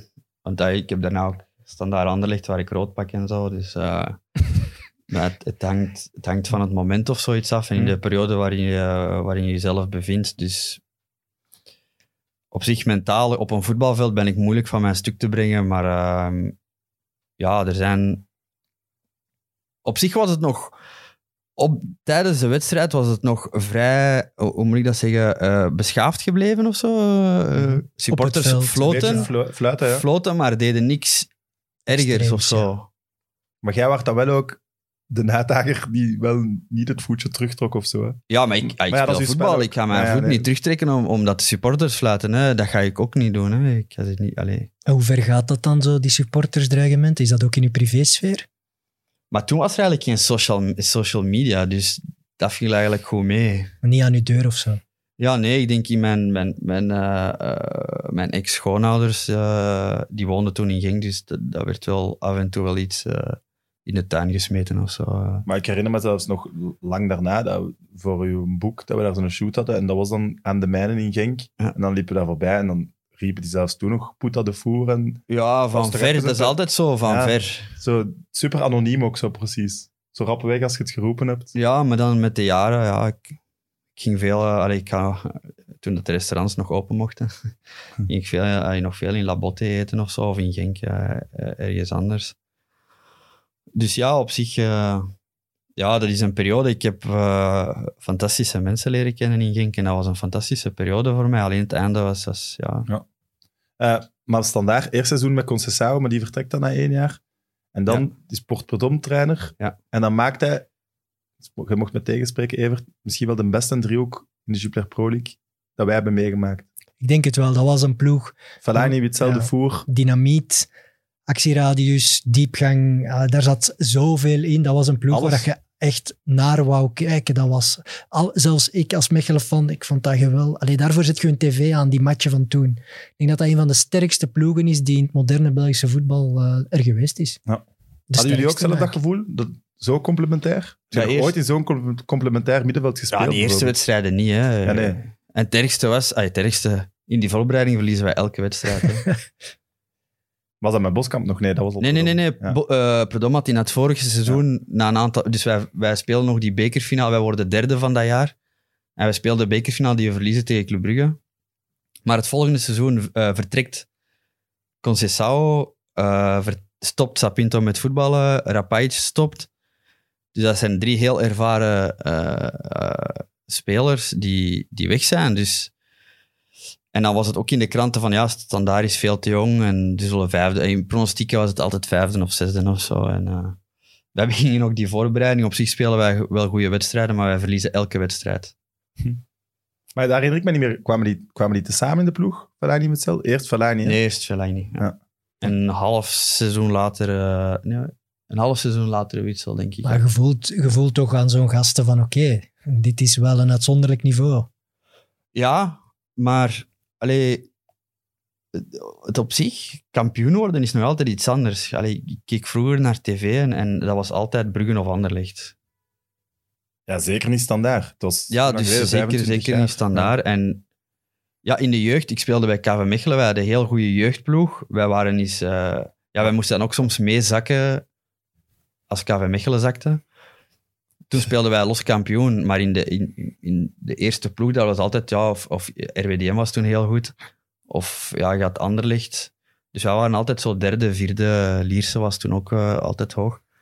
Dus wij, maar kampioen spelen, dat, dat is toch nog altijd zo. Ja, dat was zo. Dan moet next- alles kloppen, moet Dan moet alles alles kloppen en een heel seizoen lang ook. Mhm. Ja, het is, we nemen op op eh 420. Het is vandaag gebeurd. Ja. Bocani twee keer. Dat was na 25 jaar. Ja. Tegen Anderlecht ook nog. Ja. Waar dat heel die veten ook was. En toen Zwaar. nog niet, hè? Jawel. Toen was het met Boussoufa. Ja, maar toen was, toen was, het, Ja, toen was Anderlecht ook nog. nog- Toen zei Anderlecht ook, het is verdiend. Eh, Na die wedstrijd zei, zei Van een Stok van Holsbeek, het is verdiend. eh Ja, standaard dat is, was ook, dat is ook wel Anderlecht. Daarvoor zeiden ze ook wel van, wij zijn beter, we komen ze Ja, pakken. omdat zij een heel goede terugronden hadden gespeeld. Zij waren ongeslagen voor, wat is het, 7, 8, 9 wedstrijden waren zij ongeslagen. En toen gingen zij vol vertrouwen bij ons. En wij hadden zoiets van, ja, no way. En eh, wij winnen. Maar toen na de wedstrijd zeiden zij wel van, oké, Standaard is verdiend kampioen. Dat eerste jaar. Maar dan in, die- in dat tweede jaar bijvoorbeeld, die testwedstrijden, werd het gewoon veel bitsiger. En dat, vanaf toen is het eigenlijk fout beginnen lopen. Ja, want dat is, dat zei ik, ik denk dat tegen Leroy zei van de Kicker Rush podcast, dat is eigenlijk de mooiste strijd die ik heb meegemaakt. Ja, Ik mooiste. dat heel, be- ja, die mooiste. Oké, ja, Ja. De, maar ook die buiten de clubgrenzen heen. Ja, ik denk dat zat- heel België in ja. die strijd zat. Er zat dynamiet onder Ja. die clash. Dat was ook... ook Ze, barragewedstrijden Ja. voor de titel. Ja, ze noemen het Hoe ook... zot is ja, dat? Ze noemen zo het ook- jaren 80. Ja. Ja, voilà. René van der Rijken, hè, dat was Die de befaamde testwedstrijden. Wauw. Altijd rood. Maar je hebt wel een, een zwart-rode trui aan vandaag. Is toch een beetje standaard eigenlijk. Ja, dus je hebt die eerste 30 minuten van Anderlecht Standaard niet gezien in die eerste wedstrijd. Eh, we zitten nog bij de titel ervoor. Ah. Ja, Nee, die, maar die- dat wil ik graag weten. Dus standaard, jij zit daar kapitein al, oppergod, bij wijze van spreken. oppergod. Ja, nee, maar dat was wel echt, hè? Dat is niet normaal. Eh, na 25 jaar worden die kampioen. Hoe ziet zo'n feestnacht eruit? Daar weet ik eigenlijk super weinig van. Ik heb gehoord, ook politiebegeleiding. Ja, dus dat was chaos. Hè? Dus wij worden kampioen. En als je zo foto's van toen ziet, Dat is niet dat normaal. veld is Ja. volzet met supporters. En dan dat stadion is ook vol. Dus het, het, mensen hebben mij daarna ook verteld, vanaf dat die 2-0 valt, dat was 20 minuten voor het einde of een kwartier voor het einde. Chip van een Bocani. Ja, dan waren de mensen, dus veel supporters kwamen van, Tong- van Limburg en zo, die stapten in hun auto om naar het stadion te rijden. Dus met het fluitsignaal komen die natuurlijk allemaal, allemaal eraan. Ehm, en dan spelen wij kampioen, dus er is wat... Ik, dat is heel raar, wij worden kampioen. En het enige wat ik dacht, ik moet naar boven met Zinedine Zidane een foto gaan trekken. dus ik direct naar boven in die loge gelopen, ik wil nu een foto. Eh, en dan Maar beneden... die had u voor de match die schoen gegeven. Ja, Er waren al foto's van u. ja, maar ik, wou een, Ja, ja. ik was in mijn bloot bovenlijf met mijn eh, rood-wit haar. Ehm, nee, dus... En dan, ja... Dan en daarna het. werd het wazig. Ja, en Nou. daarna werd het waziger en waziger. Maar ik, ik weet wel dat wij zo'n open kar hadden. Wij moesten naar het stadhuis. Maar dat is toch de dag nadien? Nee, nee, nee. nee. Dus Ah, die nacht moesten wij eh, naar het stadhuis. Hè. Dus wij, wij moesten gehuldigd worden aan het stadhuis. Maar dat ging niet. Dat was een mensenzee. Dus wij komen aan in het centrum. mensen waren op auto's, op lantaarnpalen aan het klimmen en tegen die, ook tegen die bus, die wouden erop klimmen en zo. Dus die, die stewards die moesten eraf duwen. Dus, allee, het scheelt niet veel of een steward zit daar onder die banden en zo. En ja, op een bepaald moment zegt die chauffeur ook van... Deze kan niet, wij moeten terugdraaien. Dus wij teruggedraaid naar het stadion, maar die supporters die blijven in dat centrum. En dan zeiden ze van, iedereen pakt zijn eigen auto, of pakt zo weinig mogelijk auto's, en jullie worden begeleid door eh, eh, politie. Maar dat was onder, hè, in een tunnel waar dat je 80 mocht, dat was ineens 170 aan die tunnel. En eh, Ja, toen waren we langs achter het stad eigenlijk omgereden, en dan langs achter in het stadhuis binnengekomen. Ja, dat moet een gevoel zijn. Eh, Dat was een explosie. Hè. Luik is ook zo een stad waarin, ja... Die dat- foto's ook, van dat je zo gedragen wordt bij die fans en zo. ja. Als je nu terugkijkt, is dat misschien het mooiste moment van je carrière? Eh, ja, ik denk het wel, ja. Die eerste titel, dat was, eh, dat was het mooiste, ja. Dat was ook de verdiende titel. Hè? Die tweede ook. Maar die, die zullen we overslagen. Dat is toch ook gewoon een generatie... eh, Daar, nee, maar dat was ook zo de begin, aan eh, like jij zegt, de begin ja. van, Ja. van eh, een generatie en ook... ehm Het was mooi, want alleen Fellaini vertrekt na die eerste titel. Hè? eh, Fellaini vertrekt ook, maar wij spelen kampioen zonder te verliezen ook. Wij verliezen wel de week daarna in Charleroi, omdat we allemaal eh, een beetje zat waren. Een beetje. Eh, dat mooi als een titel een week gevierd wordt. Ja, wij werden in elk restaurant uitgenodigd, dus wij gingen echt elke dag gingen wij eten met de ploeg en drinken. En eh, ja, ik weet nog, die wedstrijd werd in Charleroi gespeeld, dus de helft van dat stadion zat ook vol standaard supporters. Hm. Het was 30 graden, dus wij gingen die bus af. Wij waren eh, een beetje champagne in die bus gedronken. Ja, die zon die begint daar te branden op je gezicht en ik zeg zo Maar jij kunt toch goed drinken? water. Maar ehm, ja, ik dacht van dat deze wedstrijd eh, snel gedaan is. Maar het, het was ook zo de derde keeper, eh, Jeremy de Vriend, die mocht dan de eerste keer spelen. Wij verliezen Juist. 2-1. En die begon daar te wenen omdat het de eerste verliesmatch was. Maar ja, gaf en dan voelden wij ons een beetje, wij voelden ons een beetje zo aan, ja, Ja, schuldig terecht. Schuldig. Garme die jongen. En Predom komt ook in de kleedkamer, die begint echt kijk kwaad te worden van, eh, dat kan niet en ik wou kampioen worden, heel seizoen Ja, ja, ongeslagen. er sowieso wel echt mee bezig. Echt zo Ja. vijf minuten en wij zoiets van, hè? Chill. En dan komt hij zo'n minuut later, maar we zijn kampioen, hè? dan, dan is het trigafeest. Ja, toch een... Allee, ik, ik word al terug blij als ik eraan denk, want inderdaad, die ploeg was gewoon zo... Maar wij wisten ook op een bepaald moment, Zo dat was, wij, sexy wij op een bepaald moment hadden we ook veel gelijke spelen. Wij hadden ook zoiets van, oké, maar Wan jij- was er altijd zo heel sterk, wij verliezen hier vandaag niet. Wij gaan misschien niet winnen, maar hier komt niemand door. Ja, want jij zegt, Anderlecht kwam echt opzetten, maar die bleven precies toch Nee, het was 7, 8 punten. Ja, ja, maar, ik, Allee, ja voilà, maar ik bedoel, die bleven lang zo 7, 8 punten. ja, maar Die kwamen precies ook niet Anderlecht had die eerste ronde eh, dichter. Slecht. 15 punten achter of Ja. zoiets. Ja. Allee, Brugge stond eerste, hè. Brugge stond eerste. Dus wij waren op een bepaald moment vijf punten achter Brugge. Wij gaan naar Brugge, wij winnen daar 1-2. En toen heeft Jackie Matthijssen de uitspraak gedaan van nu weet ik zeker dat wij kampioen worden. Ah ja, juist. Ah ja, maar Dat is, En toen hadden ze nog drie Handig. punten voorsprong. En ik denk de week of twee weken daarna zijn we erover gegaan. Wordt die dan opgehangen in de kleedkamer? Eh, dat wordt wel een paar keer aangehaald, ja. ja, het zal En zeker zijn. bij jong gasten moet je, dat, nat- je moet ons niet veel geven, natuurlijk. Ja, ook Maar voor- ik blijf het strafste vinden dat die ploeg zo, behalve dan Fellaini, maar zo bijeen is kunnen blijven. Ja, Ja, dat is... maar Dat is nu veel de- moeilijker, hè? Maar wij hadden ook voetbal- hetzelfde doel. Wij hadden zoiets van, wij willen kampioen worden allemaal. Wij hadden zo een, een, een samen... eh, Dus wij hadden zoiets van, wij willen kampioen worden. Wij willen samen die Champions League. Hè, wij Ja. willen dat samen doen. Dat snap ik ook. En ja, dus dat, dat, dat leefde zo echt in, in, in de kleedkamer. Het ook een legacy neerzetten van veel ploegen toch blijven nog, toch nog wel dat extra jaar. Inderdaad, omdat die Champions League longt en je denkt van ja, Ja, als we ik weet in die niet. flow blijven gaan, wat, wat kan er dan nog allemaal gebeuren? Toch? Wa- is zo. waarom zouden dan vertrekken? En oké, Fellaini gaat voor de jackpot, maar als er dan vijf of zes vertrekken, dat, dat zie je toch niet zo vaak Fellaini voor de jackpot, dat was toen 25 miljoen. Dat was ongezien, hè? Ja. Ja, dat was daar ook geen nee op zeggen ja. of zo. Dat zou, dat Ja, dat zou was crimineel zijn als hij daar nee tegen zei. En eigenlijk ook pas op 31 Ja, augustus. en die, die wist zelfs niet hoe, hoe dat Everton bezig was. Hè. Filip Joos heeft dat eens uitgelegd, dat hij hem tegenkwam op de luchthaven en die wist van niks Dat is eigenlijk. hoe best staat Everton Ja. eigenlijk. Ja, Die wist van niks, maar Ja. ja... die gaan eigenlijk ook echt vrienden, jij en Witzel en Fellaini. Of gewoon wij, wij waren ook echt, maar dat was een hele klik eigenlijk. Hè. Je had eh, eh, eh, Witzel, Fellaini, ik, eh, ehm, Mohamed Sar, Reginald Goreux, ehm Kuchi.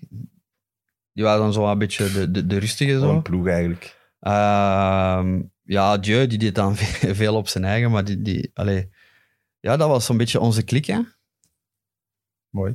Het, dat, dat, dat bandieterige, mag ik dat zeggen? Dat was een ploeg vol bandieten, wat agressief imago ook. Allee, Ja, dat wouden ze. vuist vooruit. Ja, absoluut. Dat imago zat wel rond die ploeg. Hè? ja, wij, wij hadden dat ook zo. Hè. Het is, het is wat, wat ik zei op bepaalde wedstrijden: van oké, we gaan hier niet winnen, maar hier komt ook niemand door. Maar je Maar vindt dat zo niet is erg. ook het seizoen nadien eh, fout gelopen, denk ik. Omdat dat gevoel leefde wel, dat jullie werden echt opgenaaid, vooral door Predom dan, tegen Anderlecht een beetje, omdat je wist, we kunnen ze pakken. En bij Anderlecht leefde vooral de andere seizoen frustratie was van... Wel trainer, hè, dat tweede seizoen. Oké, dan Beleu Maar je voelde dat wel. En Anderlecht had altijd het gevoel van, Wat ga jij fuck, nu- die pakken ons wel. En keer op keer op zo'n vuil randje zat er wel ergens aan. Niet op een Anderlecht manier. En dat stak nog dubbel Maar zo het ding was van, het waren Ja, nog maar- twee grote ploegen. Hè. Dat was een goede ploeg van Anderlecht en die had gewoon standaard. Zeker.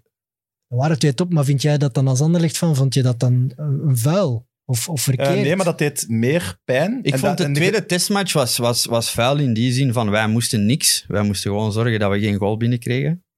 En dan maken wij een penalty. Dus ja, dan moest er helemaal niks meer. En wij wisten, als wij eh, fysiek eh, harder gingen spelen, dat Anderlecht niet mee kon. Dus dat, was het. bewuste Die konden onze fysieke kracht niet aan Nee. op, dat, op dat moment. En dat was het. En dat was zo, Maar zo Anderlecht frustrerend. kon er- En het was ook altijd op een randje. Hè. Maar Anderlecht op dat moment kwam er voetballend ook niet, niet uit. Dus Nee, nee, dat was beter. Simpel. Het Dus- is toch niet fout om als ploeg, als je dat weet van jezelf, van wij hebben gewoon kracht, lengte, eh, duelkracht, om dat te benutten. Dat is toch niet verkeerd? Je kunt dat niet Maar het is- zeggen, Nee, ah, maar het is, nee, het is een het vuile zeker niet manier om verkeerd, een maar titel te laat meer claimen. frustratie achter bij de tegenstander, waardoor, er ook, waardoor het ook echt Ja, maar je hebt ook veel van die uitspraken. Als een topploeg niet kan winnen van een kleine ploeg, ja, ze staan met tien van achter, maar je moet roeien met de riemen die je hebt. Allee, Volledig alle- mee eens. Maar drie maanden na de barragematchen loopt het ja, mis. Hè? natuurlijk. Maar dat, dat begon eigenlijk bij die tweede testmatch, omdat Ja. daar zoveel fout liep. eh. Ja, maar dat is- was Bola toch? Met zijn vuist. Bolat, ik heb toen een tackle gedaan op Biglia. eh Wasilewski heeft daar een paar elleboogstoten uitgedeeld. eh. Dus dat was ook, en toen ook die reacties van, van eh, dus de reacties werden ook wat grimmiger na de, na de wedstrijd van dit is niet verdiend, de penalty was cadeau en, en we pakken ze volgend jaar wel terug. En dan komt die wedstrijd eigenlijk al in augustus. Ja. Dus dat ligt allemaal nog heel vers. Ja, En wij moeten naar. Anderlecht. Dus eh, ja, Weet, in die week ook, in die aanloop, ja, dat, dat, dat werd zo opgeklopt. En dan herinnert je je dat, heel die fase nog van Wasilewski? bijna, denk ik wel. Ja. Want dat begint eigenlijk... Bij mij. Ja, bij u. Hè. Jij wordt eigenlijk moet de ref... Allee, ik ga nu niet zeggen dat zijn fout is natuurlijk, maar eigenlijk moet hij daar fluiten, want dat is een fout Ik op u. word daar getrokken en de bal komt eh, Tussen, tussen eh, Witsel en Wasil. Wasil. En je ziet Wasil komen en Axel draait zich halfweg, zet zijn voet en zet zijn voet eigenlijk over de bal. En Wasil shot daar keihard tegen. Ja, en, en ja, je hoorde het kraken. Hè? Ja, maar ik denk, ter defensie dan van Witzel, ik denk dat hij ook gewoon door die matchen daarvoor, Wasil was wel... Dat was degene die jullie fysiek net nog wel pijn deed, samen met Van Damme misschien. Ja, kijk, dat is, dat, is, dat is moeilijk om daarover te praten in de zin van er gaat niks uit mijn mond komen wat, Ja, wat dat goed praat. Nee, wat, nee, wat, wat uiteraard. iets goed praat of wat, wat, wat iets excuseert of zo. Dus dat was absoluut een rode kaart. En, eh, en, en, nee, natuurlijk. en, en ja, hij, hij- hij zal ervoor gestraft worden voor die, voor, voor die rode kaart, punt. En maar die wedstrijd, die omstandigheden, Maar daar dan, moest iets gebeuren, daar ging ook iets gebeuren. Dat, dat kon gewoon niet blijven maar duren. dan Anderlecht voetbalt eigenlijk niet meer in die match. Ik denk dat dat logisch is ook. Anderlecht ook, eigenlijk misschien niet, ook, niet meer. Want ik Nee. denk dat wij... Maar jij haalt die Boussoufa wel nog echt lelijk onderuit in de laatste. En dat was zo wat ik bedoelde. Daar heeft de Anderlecht supporters tegen dat standaard. Maar- dat was zo van, hé gast, Ik zou graag die fase nog eens willen bekijken en ook eens kijken van in welke minuut dat, dat was. Eh, dat is helemaal op het einde. bijna. helemaal op het einde. En daar, Ja, ik- daarom ik denk dat dat is een bal. En ik dacht van, ja, die moet gewoon liggen, want de wedstrijd, ik, kan, ik kan ook niet meer lopen. Ik was stiek kapot. Ja, dat geloof ik. Ik was stiek kapot, dus ik zeg, die moet gewoon neer. Maar ik denk niet dat ik zijn been mee heb. Ik, ja, nee, Ja, nee, heel clean. Die is van de grond af. Het is echt gewoon een beetje omver. Ja, ja. Maar Vind je dat dan nog, vind je dat op die matchen en je, en je Maar dat is echt winnaarsmentaliteit. Puur van... hij moet Maar wat er net gewoon, oké, het is, de laatste. Die moet, gewoon gaan, die moet gewoon gaan liggen en de wedstrijd moet nu gedaan zijn. Het is genoeg geweest. Punt. Ik ben stiek kapot. Wedstrijd gedaan. Punt. Of vind je dat dan nog leuk, Nee, het was, het was helemaal niet leuk. zo'n Nee, wedstrijd? maar niemand... De fun is er dan op dat veld. Iedereen was zo van, ja, waarom moeten wij eigenlijk nog verder shotten? Ja, En ergens- maar nee, maar ook het, het- het hele op... Dat was niet alleen die fout, maar ook het... het Heel het verhaal daarachter, het, het opgeklopte, ook wa- wat, wat de, de bestuurs van beide clubs, eh, dus de media, dus iedereen sprong daarop en iedereen deed daar gretig aan mee, om dan ineens te zeggen van, Ja, nee, vinger, vingerwijzen zelfs. ja, vingerwijzen... Jongens, jullie hebben dit heel, veel te ja. veel opgeklopt. Ja, dat agree. Dus dan is het ineens de spelers hun fout. Terwijl dat alles gewoon, alles daar rond is. Hè, dus iedereen weet heel goed, supporters lezen kranten en gaan mee in, in, in bepaalde verhalen. Eh, bepaalde bestuursleden geven interviews om, om de boel nog wat op te stoken.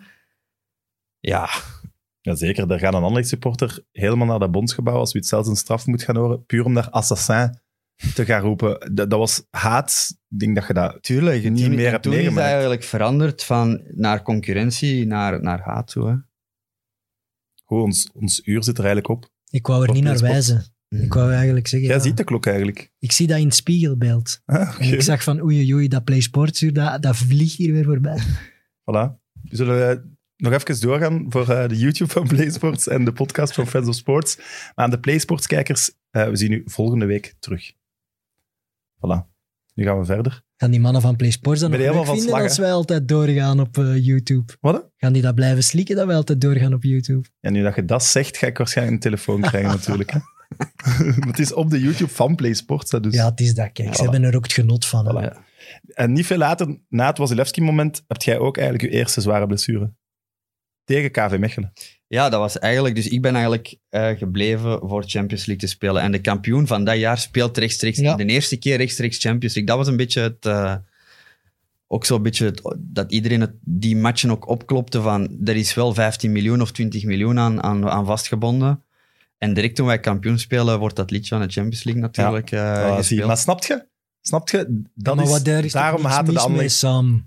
Dat mag toch. Hey, kijk, Maar ik denk dat Anderlecht is Anderlecht een van op de dat meest moment hetzelfde had clubs gedaan, ooit in de Nooit. geschiedenis toch van Belgisch Jij, jij denkt, als het omgekeerd was, Maar de Anderlecht Champions League opzet. Als je- als- Als jij de eerste keer in de Champions League mag spelen, dan gaat die hymne toch af. Ja, oké, maar dat zou niet de eerste keer geweest zijn voor Anderlecht. Ja, oké, maar stel- dat nooit. Niet kunt- als Anderlecht geloof kun je niet beginnen eh, claimen dat Anderlecht de meest eh, ja, brave en, en vriendelijke club van het land is. Die zijn toch arrogantie eerst. En dat mag ook, ze Ja, zijn maar een dat is niet arrogant. Ja, oké. Maar die benutten toch Enfin, alles om te dat tonen nooit dat. Ja, Anyway, ehm, waar waren we gebleven? Bij dat je bent gebleven voor die Champions League. Ik was gebleven voor die Champions League en de week, dus de zaterdag of de zondag eh, voor eh, Arsenal, het was de eerste wedstrijd thuis tegen Arsenal, spelen wij tegen KV Mechelen thuis. Evert is ook zo KV Mechelen. Iedereen doet zo naar u. Ja, Speel dan tegen KV Ik ben de verpersoonlijking van die club. En eh, ja, er volgt een ingooi en ik wil hem, dus ik krijg een bal recht voor mij en de goal is schinder, dus ik wil hem schuppen naar de goal. En met dat ik hem keihard wil schuppen, komt eh, persoons, was het, Ja, ja. achter mij, dus ik zie hem niet en, en hij wil die bal blokken en hij was te laat. En, En hij steekt zo zijn voet eigenlijk. Hè? ja, ik zit onder zijn voet. Dus ik Ah, zit ja. onder zijn voet. En eh, ja, ik begon te manken en ik ga even naar buiten.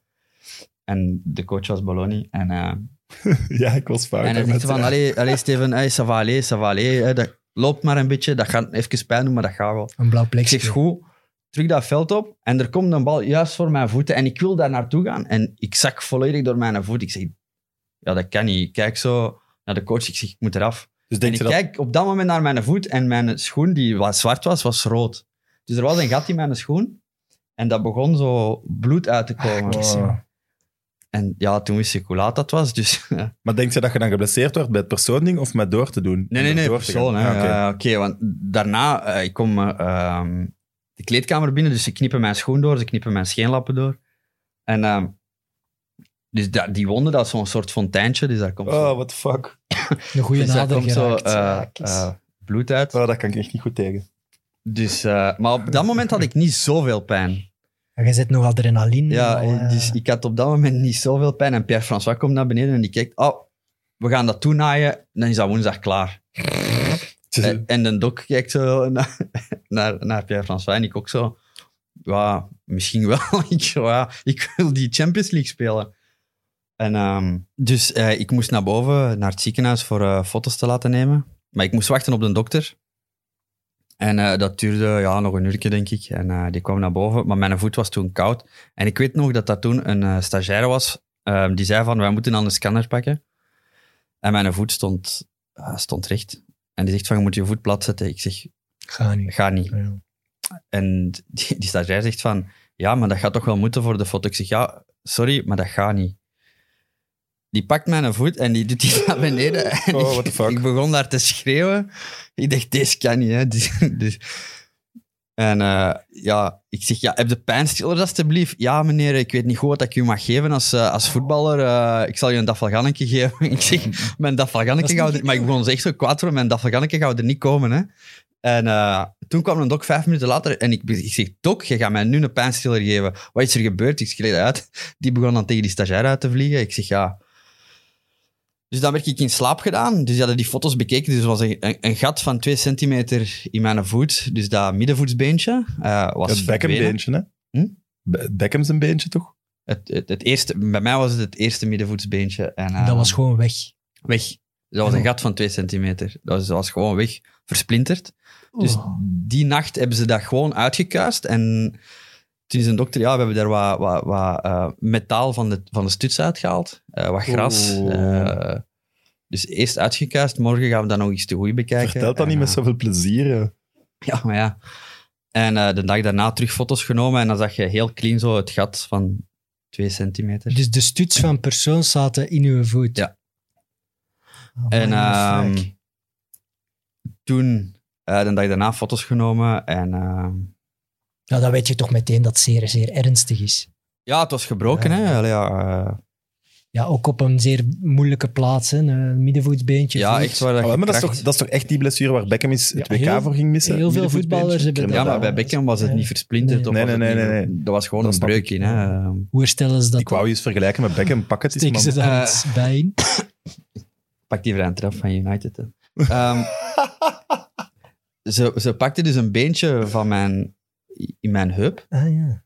Dan ging ze dat zo vermengen met een soort van cement in mijn voet steken. En, ehm, Maar de dokter vertelde dat zo in, in de laatste fase van testing, we doen dat op zware ongevallen, eh, want dat cement dat moet pakken met je lichaam of zoiets. ehm, als dan, want het beentje op zich is niet stevig genoeg om altijd die impact te kunnen eh, verdragen. En, eh, Ja, ja, dat is een totaal ander been uit je lichaam. Dat is normaal dat het been uit je, uit je heup niet gemaakt is om een voetbeen te zijn. Ja, voilà, eh, dus- Te knallen.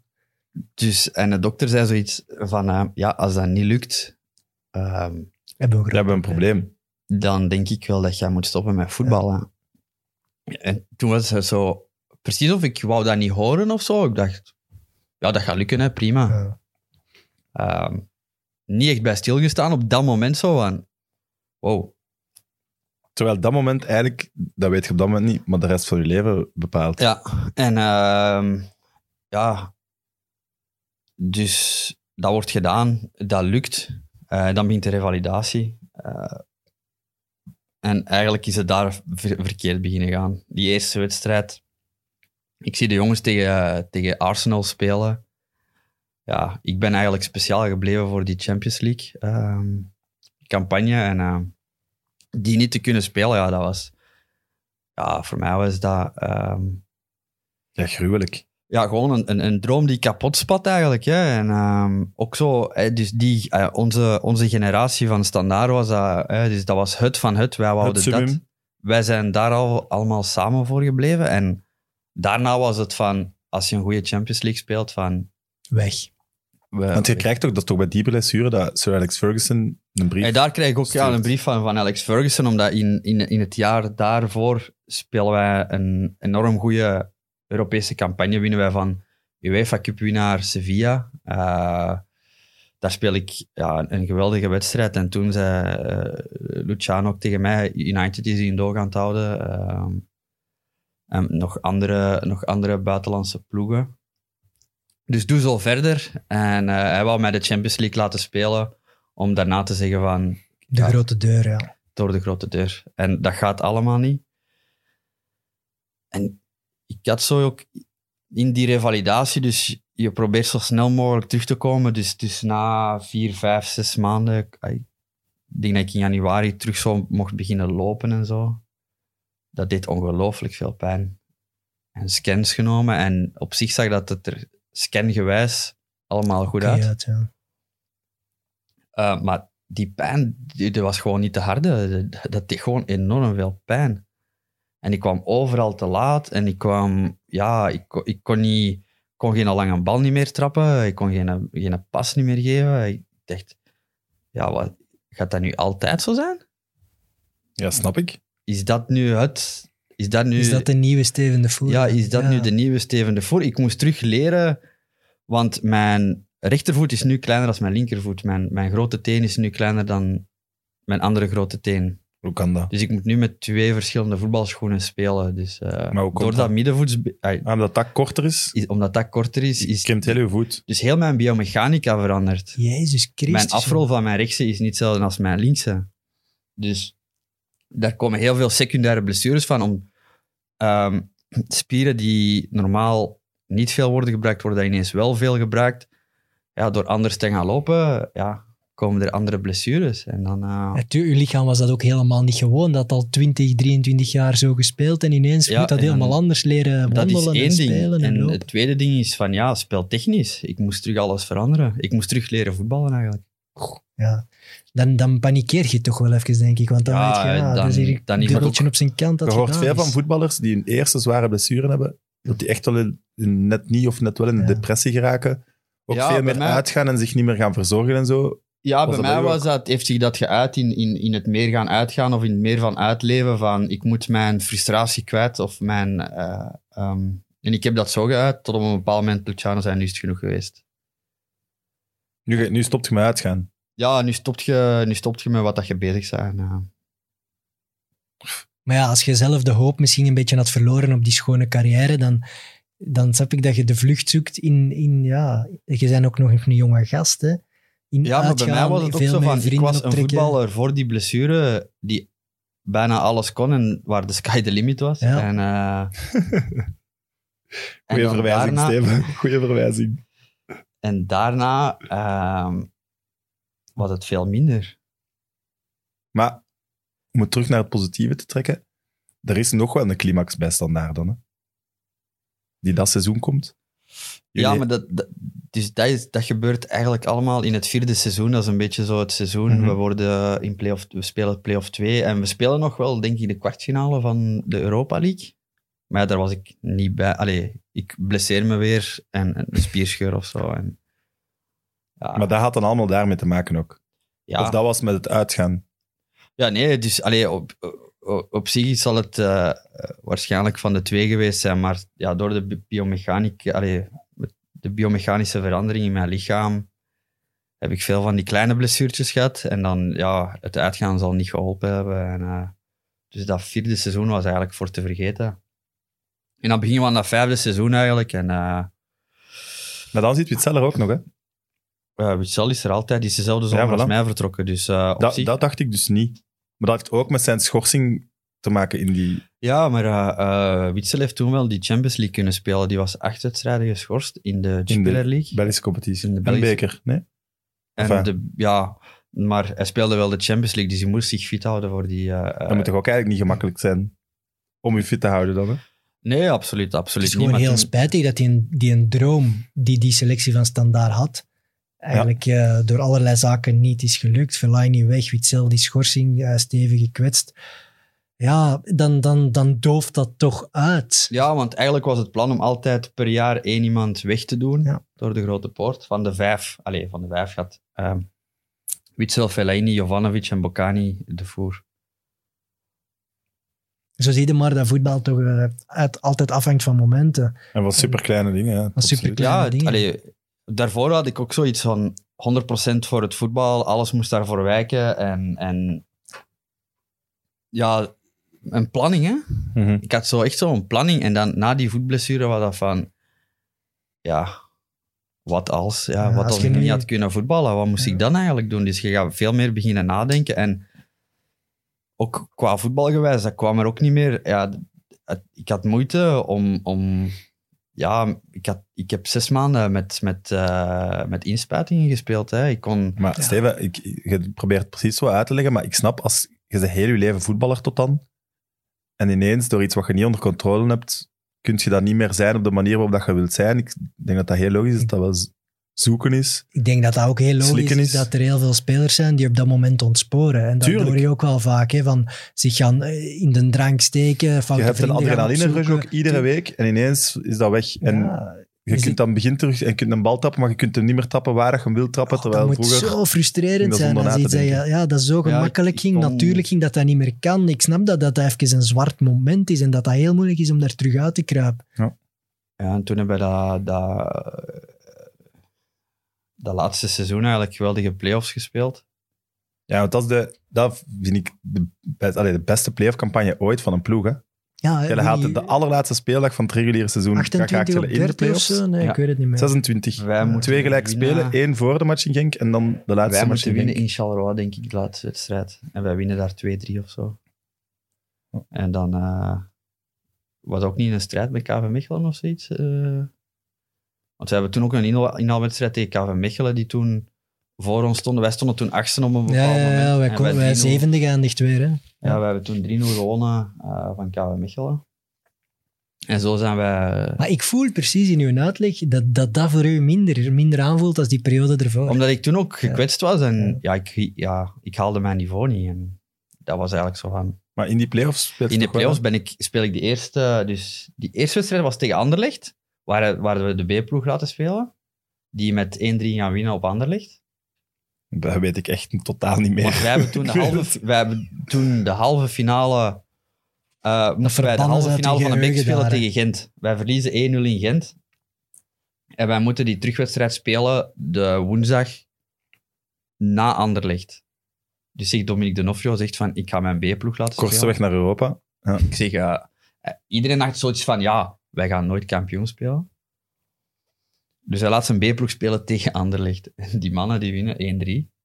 Dus we hadden zoiets in de kleedkamer van, wat is hier gebeurd? Ehm, En dan winnen wij van... die, genieten, die genieten ervan. Ik vind dat wel mooi. En dan winnen wij ook die halve finale met 4-2. Dus alles valt eh, echt wel reuze mee. Ja, en dan spelen wij tegen Genk thuis, die tweede wedstrijd. Genk stond toen zes punten voor ons of zo, of vijf, of weet ik veel wat. En die wedstrijd winnen wij ook 2-1. Dan Dus je komt weg, al terug op drie of vier punten eh, en, en ineens begint dat zo van... Ja, ja, en dat kan standaard als geen andere ploeg. Dus je begint zo, maar ik, ik val dan ook weer gekwetst uit. Ehm, dus ik mis nog een paar wedstrijden en dan denk ik dat ik de laatste drie wedstrijden van de playoffs nog, nog, nog speel en de bekerfinale. Maar dat was ook het rare. Toen was de bekerfinale nog na de competitie. Ja. Ja, Het rare, zo moet ja het. wij, wij woensdag Ja, of maar die spelen, die spelen in het weekend voor, voor een titel, titel. Nee, in nee, het Genk. was woensdag of donderdag. Woensdag Die- of donderdag De laatste speeldag. Ik denk dat wel. En dan de zondag was de bekerfinale. Ah ja, zo kort op elkaar. Dat Oh, ja, dat, dat herinner ik me nog. En dan was het zo van teleurstelling. En Ja. dan ja, gaat er nu alles verspelen op, op een week tijd. Ja. Maar dat was dan niet.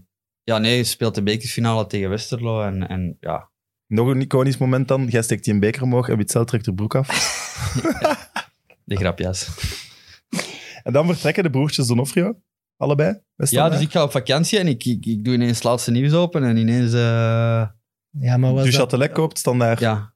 was ik- ook niet de moment dat Donofrio er gras naar zijn kop kreeg gegooid? En Nee, zo? nee, nee, nee, nee, nee, Ja. dat was eh, voor mijn tijd. Ah, oké. Ehm, ik dacht zoiets van, hè? Dus ik, ik, ik bel naar mijn makelaar en ik zeg, ja, was, ja niet panikeren. ehm. ik dacht, ja, oké. En dan, dan ehm, een paar weken later kwam, eh en je hoorde al in de wandelgangen dat ehm Duchâtelet zo'n beetje alle Donofrio-discipelen wou wegdoen. Maar je ziet natuurlijk met, met de kapitein, de vice-kapitein, eh uw, uw, ja, Ja, Carcella die toen is doorgebroken, Mangala die toen is... Legendes eh, dan, hè? Allee. ja, dus Ja, je kunt niet zeggen van... steunpilaar. Als je die moeten allemaal weg. moet vervangen. Ja. Je kunt niet zeggen van, die moeten weg. Dat gaan de supporters nooit, nooit accepteren. Die vallen ook niet te vervangen, allemaal tegelijk. Dan weet je dat je een strontseizoen dus- tegemoet maar hij gaat, wou direct zoiets van zijn investering al, al, al, al terugverdienen of zo. Want hij heeft een jaar daarna zijn, zijn Ja, hij heeft er wat geld uitgehaald, Hij heeft er voor 40 later. miljoen gekocht, hè? Standaard. 30, Toen- denk ik. Ja, en 30 dan- zelfs. En jij zat er nog allemaal. Ja. Ik denk dat de de- spelerskern alleen al allemaal in de ronde meerwaard verkocht, was. Die Na die, die transferzomer heeft hem dat geld er wel terug uitgehaald. Hè. Dus de Châtelet is, is daarin wel dan business-wise slim geweest. Ja, maar ja, nee, maar is de, de beste ploeg van het Maar land. kwam die dan echt zo... Allee, dat zal dan via je makelaar geweest zijn. Eh, ja, kijk maar uit naar een andere club, want we Nee, nee, sowieso nee, nee, dat werd zo heel, eh, ehm, heel subtiel gespeeld. Hij zegt van, ja Steven, als je weg wilt, wij zullen u niet in de weg staan. Maar dan Eh, weet je hoe laat het is. ehm, maar eh, Lokomotief Moskou kwam. wow, ja, leuk. En, ja, dat was wel even zweten, want dat was gewoon blanco. Die zeiden van, ja, hoeveel wilt je verdienen? En, eh, En jij zei, ja, bij Genk had ik 4,5k per maand. Dus als daar ietsje Als bij kan... is. Ja. Ja, dus wij aan het onderhandelen en die wouden absoluut daar al een akkoord. Dus wij, wij zaten daar in de Mercure Hotel in, in Luik. Ah ja, die wouden niet vertrekken. Allee, die akkoord niet of geen akkoord. Zonder ja, dat ik, ja. ik zeg van, weet je wat? Vanaf het moment dat mijn visum, visum in orde is voor naar Rusland te reizen en ik daar kom, teken ik. Tijd gewonnen eigenlijk, slim. Ja, Een beetje en- tijd trekken. ja, een beetje tijd trekken, omdat Porto toen ook eh, geïnteresseerd was. Ja. Maar die hadden nog geen, die hadden nog geen contractvoorstel gedaan. En dan op een bepaald moment, ik zeg tegen mijn makelaar, ik zeg, ja, kijk, als ik vertrek op die vlieger, dan ga ik wel tekenen. Hè. Dat, allee, Ja. kan ik moeilijk nee op zeggen. Ja, en uit Rusland terug vertrekken. Maar eh, Ja, als je niet had want ik wil nog één ding. Dus die geven nu een, een dingen. Blanco, vul maar in. Wat Ja, vult jij dan in? dat Zo invullen. Allee, die zeiden van, ja, we willen zoveel geven. Maar ja, Is dat dan, wij, staat er dan wij hadden per, zoveel nog jaar? niet in gedachten, dus wij moesten ineens anders gaan schakelen. Dus moesten- voor, voor die meeting zegt u makelaar tegen u, oké, we gaan Nou, voor we- X. nee, Steven, hoeveel, wilt jij verdienen? Ik zeg, ja, zoveel. En die begon, begon ah, onderhandeling begint en die zaten er al 300.000 euro boven. En wij zo Stuk te weinig. Steven, kom eens. Dus wij moeten even in dat zaaltje erna.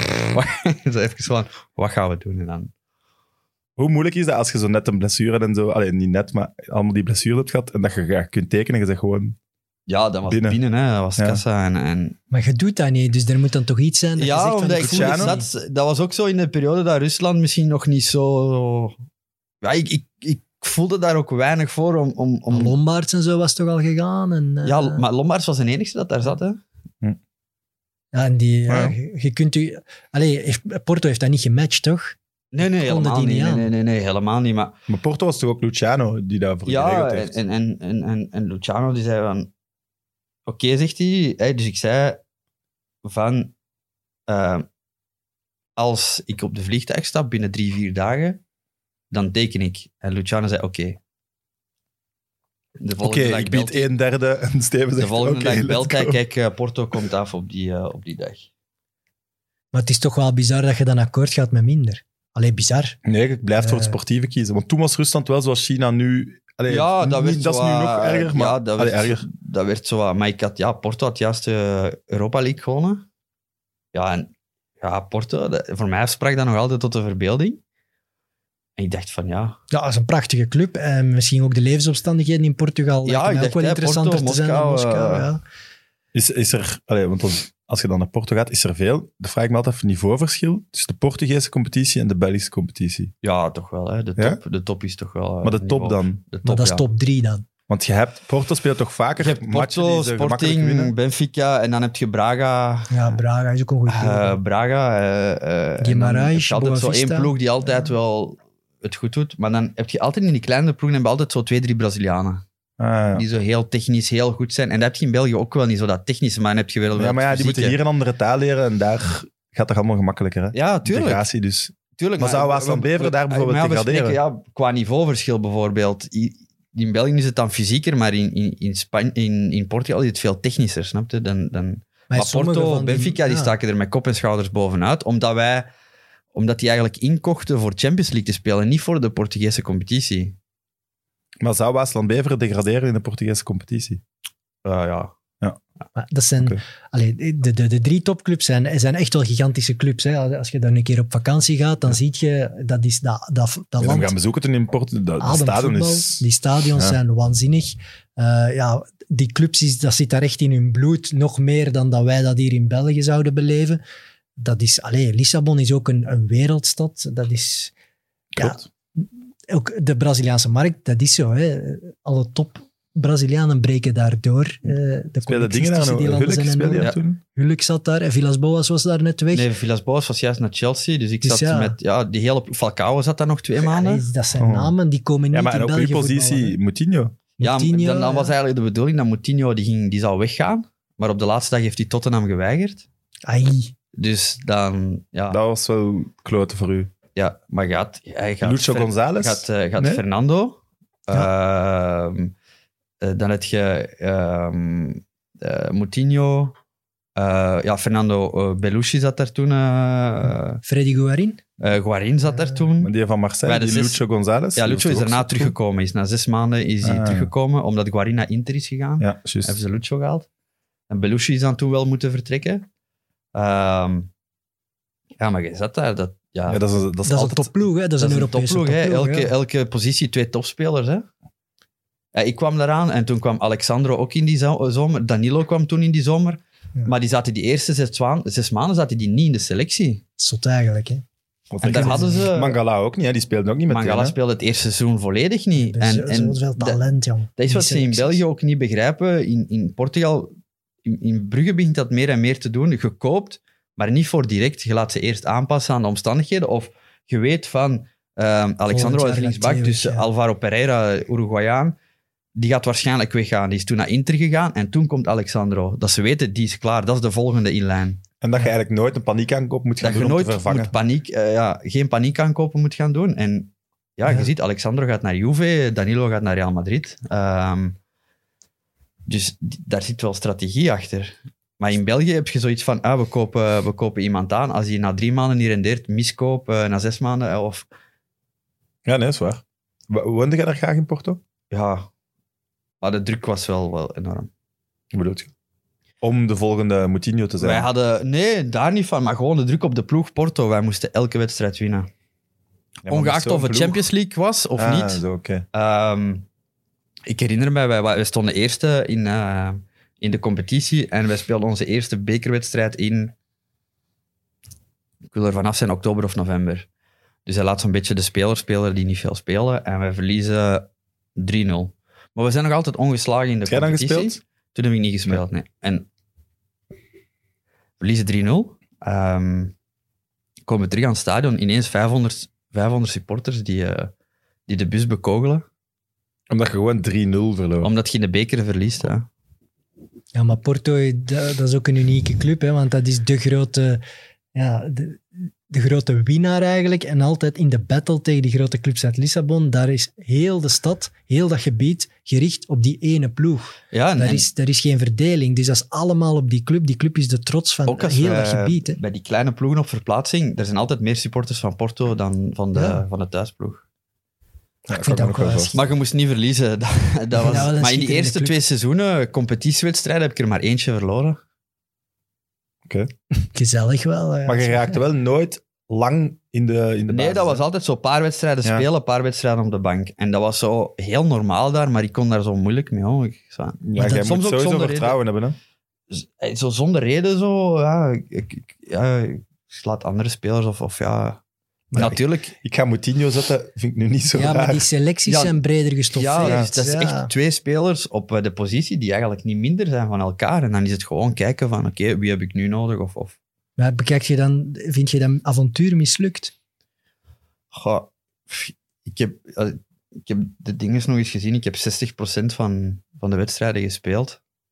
Ja, ik vind dat ook niet. Maar je verwachtte misschien, door de grote Steven de Voer, dat Porto, net wat bij Witzel Ja. gebeurd is, nog een stapje tussen Maar is. Witzel kwam in een, in, in, in een Benfica dat in opbouw was. Terwijl Ja, die had Porto- meteen zijn basisplaats. En, Ja, dus dat was zwaar. een ploeg in opbouw. En Porto was eigenlijk een ploeg die af was. En daar, daar vertrok ook niemand buiten Falcao. Is daar niemand vertrokken van die ploeg die de Europa League had gewonnen. Dus Ja. Heb je daar de kans gemist om de Europese top te halen? dat denk ik wel. En ik, ik, ik vertrok ook toen uit Standaard, ook eh, met die voet die toen nog ook niet 100% was. Dus ik was niet in de vorm van mijn leven. Of, of als, ik moet, als ik had moeten vertrekken uit Standaard, was het na drie jaar na de tweede titel geweest. Dan was het beste moment. Die, dat vijfde jaar had ik eigenlijk... Maar en toen Nog was in er moeten concreet blijven? interesse ook. Huh? Toen was er ook concreet Ja, ja, interesse. tuurlijk. tuurlijk. Er, was, er was concreet interesse. Maar Luciano heeft toen gezegd van, jij blijft omdat we Champions League speelden. En ik vond dat niet erg, hè. Ik wou Nee, nee, Champions nee. League spelen. De Porto kwam te laat. Porto kwam eigenlijk, ja, allee, of eigenlijk nog op dat moment te vroeg. Maar dan was ook het, het hele gedoe, ah, of gedoe, was de hele strategie ook van, van op dat moment van Standaard, die moeten eigenlijk vertrekken. Dus ik kon eigenlijk niet blijven, zeg. Heb je spijt van de sky is the limit? Absoluut. Absoluut. Ik denk dat daar, want dat is iedereen waar ik over u tegen vertel, die zeggen allemaal, ja, maar ja, die is toch zo, zo. En ja, je komt dan af en toe eens mee, die mensen leren die dan ook kennen.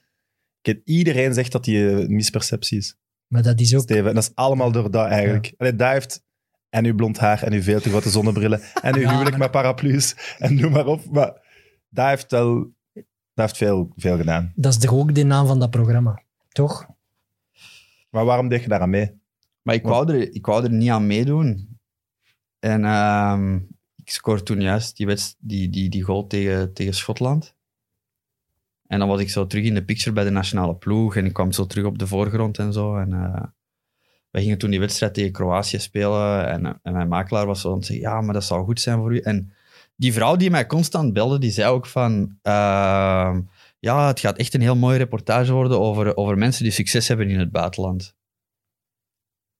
Ik zeg, ja, maar ik, ik snap niet waarom dat je mij wilt filmen. Mijn leven is niet zo speciaal in de zin van, ik train, ik kom thuis, ik ga slapen en af en toe ga ik eens wandelen of ga ik eens iets eten. Maar ik, ga- allee, Ja, ja, je moet wel anders vertellen, bij de speciaal dingen komt je niet filmen.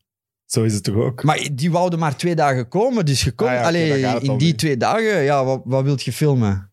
Zwaar. Ja. Bij die andere mensen zijn ze bijvoorbeeld drie, vier, vijf maanden of zo gaan volgen. Bij mij twee dagen. En dat was het. eh. Die ideale wereld heeft er wel een schitterend filmpje van gemaakt. je redde de wereld. Maar ik, allee, jij, allee, jij kent mij ook. Ik heb daar eh, genoeg humor mee om... Allee, genoeg zelfspot mee om... om Ja, je kunt het ook niet meer ontdoen, dus Tja, weet je. Allee, Maar ja, zet je daar kwaad op geweest achteraf? Van, jongens, hey, je hebt mij goed in het zak gezet. absoluut. ja, die is, ja, dat snap ik ook. Want ze weten goed genoeg hoe... Telefoon. Amai, dus we zijn al 93 minuten aan het opnemen.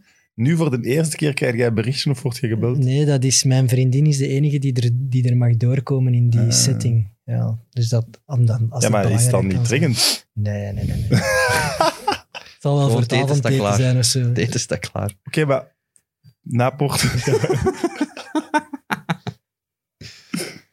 Het is misschien Tom Nee, ga maar door. Ik zal ondertussen het geluid proberen afzetten. ja, maar ja, misschien is het echt dringend, hè? Nee, nee, nee. nee. Ik Oké. zal ze sturen. Ehm, na twee- in 2014 dan, na het WK in Brazilië. Ja. Je wou weg bij Porto. Ja, ik wou spelen. Er was interesse Ik van Anderlecht en er was interesse van PSV. Nee, er was nog geen interesse van Anderlecht. Dus voor het WK al eh, heb ik met eh, Cocu. Marcel Brands en Philippe Cocu gesproken. Die wouden mij absoluut als nummer 6 bij PSV. Was geen, eh, ik was nummer 1 target. En ze gingen daar, eh, ze gingen daar echt een hele tijd voor willen gaan. Hè, maar eerst ging het WK komen, dus ging het WK afwachten. En, eh, en ik zei, prima, PSV, ideaal voor mij. En, ehm, en toen was er zoiets van, ja, we zullen waarschijnlijk hetzelfde moeten leggen als ze hebben betaald voor mij toen. eh. En dus ja, het WK, ehm, ik, ik pak daar rood tegen, eh, tegen Zuid-Korea. En eh, toen nog een berichtje gehad van Philippe Cocu en Marcel Brands voor te zeggen van ja, Steven, trek het u niet aan. En, en dat gebeurt in de carrière. Eh, we blijven achter u staan en zo. eh. Na, na, allee, na, na het WK spreken we wel af. En na het WK ben ik dan twee weken op vakantie en ik zei tegen mijn makelaar ik zou graag hebben dat dat al in orde komt, dat ik niet terug naar Porto moet reizen. Om, Hij zegt van ja, maar Porto wil je niet echt wegdoen. Ik zeg zo, hoe? Porto wil mij niet wegdoen. Ja, eh, ze denken dat je nog altijd belangrijk bent voor de kleedkamer. Ik zeg ja, dat is bullshit. Hè. Ik speel ook niet, allee, niet de manier waarop ik zou willen spelen.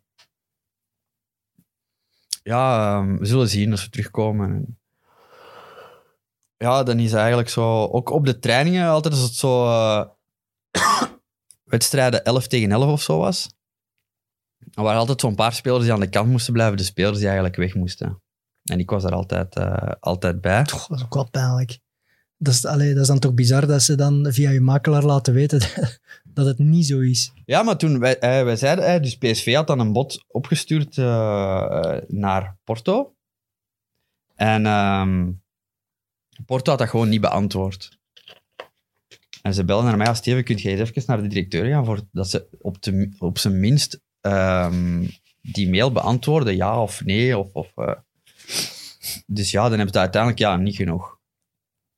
Maar de Eredivisie had toen ook wel echt weinig geld. Hè? Dus het kan nog wel dat dat niet genoeg Ja, maar was, ze wouden tot lijkt mij. 7 miljoen gaan. Allee, Op 7 transfer. miljoen, man. Ja, nee. Kom op, zeg, voor En een speler 6 die dan toch weg moest. Dat is toch bizar? En eh, eh, dat ja, dat dus ze begonnen aan 4,5. Hè, dus ze begonnen een beetje. En, en, en Porto zei nee. En dan wouden ze fysiek samen zitten. Dus we hadden stage in Nederland. Ja, Ehm, Porto. Met Porto hadden wij stage in Nederland. En dan hebben ze elkaar, Alsof het erom gedaan is, toch? ja, en dan hebben ze elkaar gezien. En dan, ja, er is nog wat... allee, er moet nog wat gebeuren. Maar op zich, eh, PSV was ehm, eh, positief en zei dat het wel rond ging komen.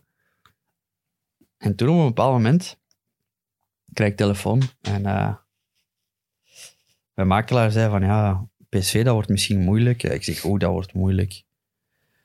Ja, dat gaat misschien eh, niet lukken en zo. Ik zeg, allee, dat kan toch niet. eh. Ik zeg, ik ga hier toch niet eh, een jaar verliezen en zo. Ja, maar misschien is er een oplossing. en ik zeg, ja, ja wat, wat, wat denkt u van Anderlecht? En ik begin zo te lachen. En ja, wat denkt u? Ik zeg, ah, dat is serieus. Ik zeg, ik zeg, ja, ik zeg, allee, ik zeg, allee, Paul, dat kunnen allee, alle respect voor Anderlecht, dat kunnen we niet maken, hè. Ik zeg, weet je wat dat allemaal gaat doen en zo? Ik zeg, allee, ik heb geen goesting in al dat gedoe. eh. Ja, oké, we zullen proberen met PSV eh, rond te krijgen. En dat, en dat bleef maar blokkeren. En, en Porto wou dat niet. Ja, en op een bepaald moment... ehm, ja, zeiden ze nog eens, ja, Anderlecht wil u echt wel heel graag. En ik zei van, ja... ja. Ik, zeg, ik, zeg, ja, ik ben kapitein van Anderlecht, eh, van, ik ben kapitein van Standaard. Van Standaard geweest. Ja, dat gaat niet goed komen. Dat gaat veel te veel... Ik zeg, we hebben Genk, we hebben Genk en Standaard al gehad. Zeg, als we nu dat nog moeten doen... Ja, dat... Maar gelooft je die nu, achteraf gezien? Of heeft die expres PSV misschien...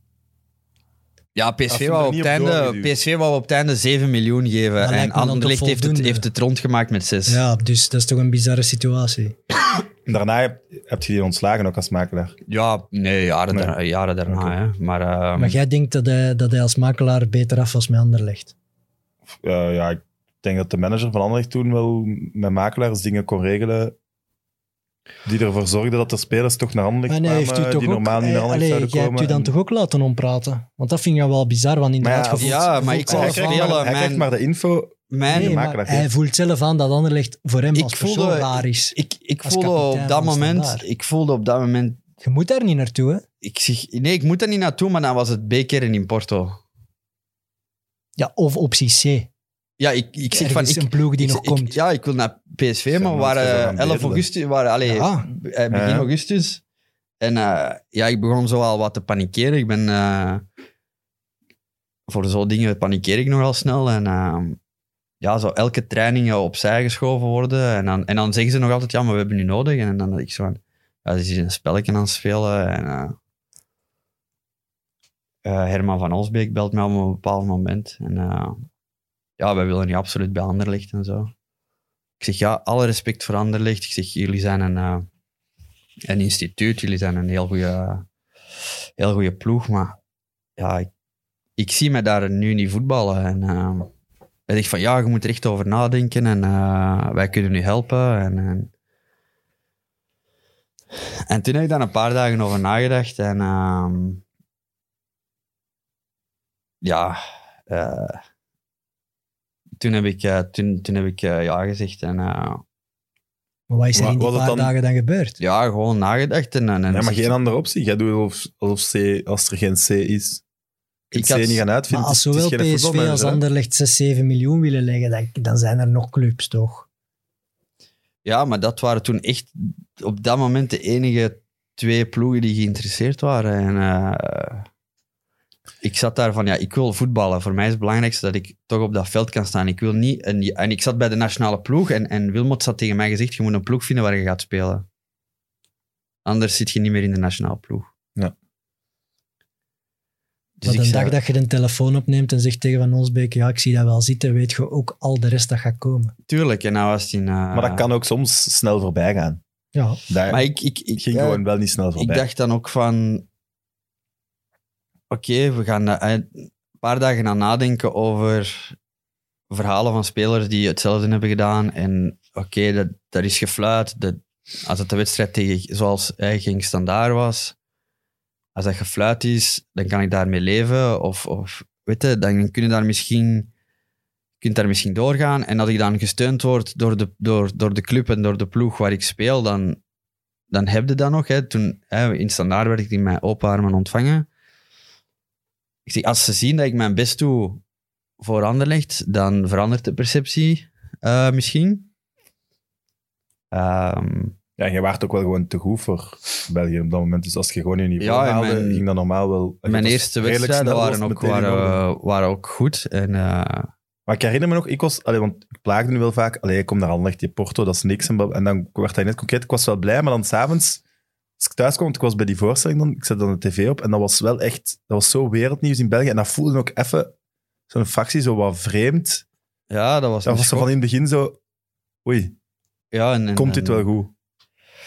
Ja, dat had ik, dat had ik ook. En, en, ja, ik dacht van, oké, daar moeten we door. En als ze mij die eerste wedstrijden gaan zien voetballen, dat ze dan... Ja, want dan komt ook zo die eerste wedstrijd dat ik in de tribune zit in Westerlo, dat die zo- zo'n kleine tifo eh, eh, van de supporters van Anderlecht komt, waar Silvio die, die tifo weghaalt. Ehm, en dan, dan, dan besef je eigenlijk van, oké, dit, gaat, dit gaat tijd nodig hebben. Maar ik dacht, als ik goed ga spelen, dan, Ja, dan gaat dat sneller. Dan, zijn we dan gaat dat sneller. En op een Ja. bepaald moment ook eh, binnen de drie weken werd er ook eh, een, een gesprek met alle voorzitters van de supportersgroeps van Anderlecht, die hun vragen over wat er allemaal is gebeurd hadden aan mij.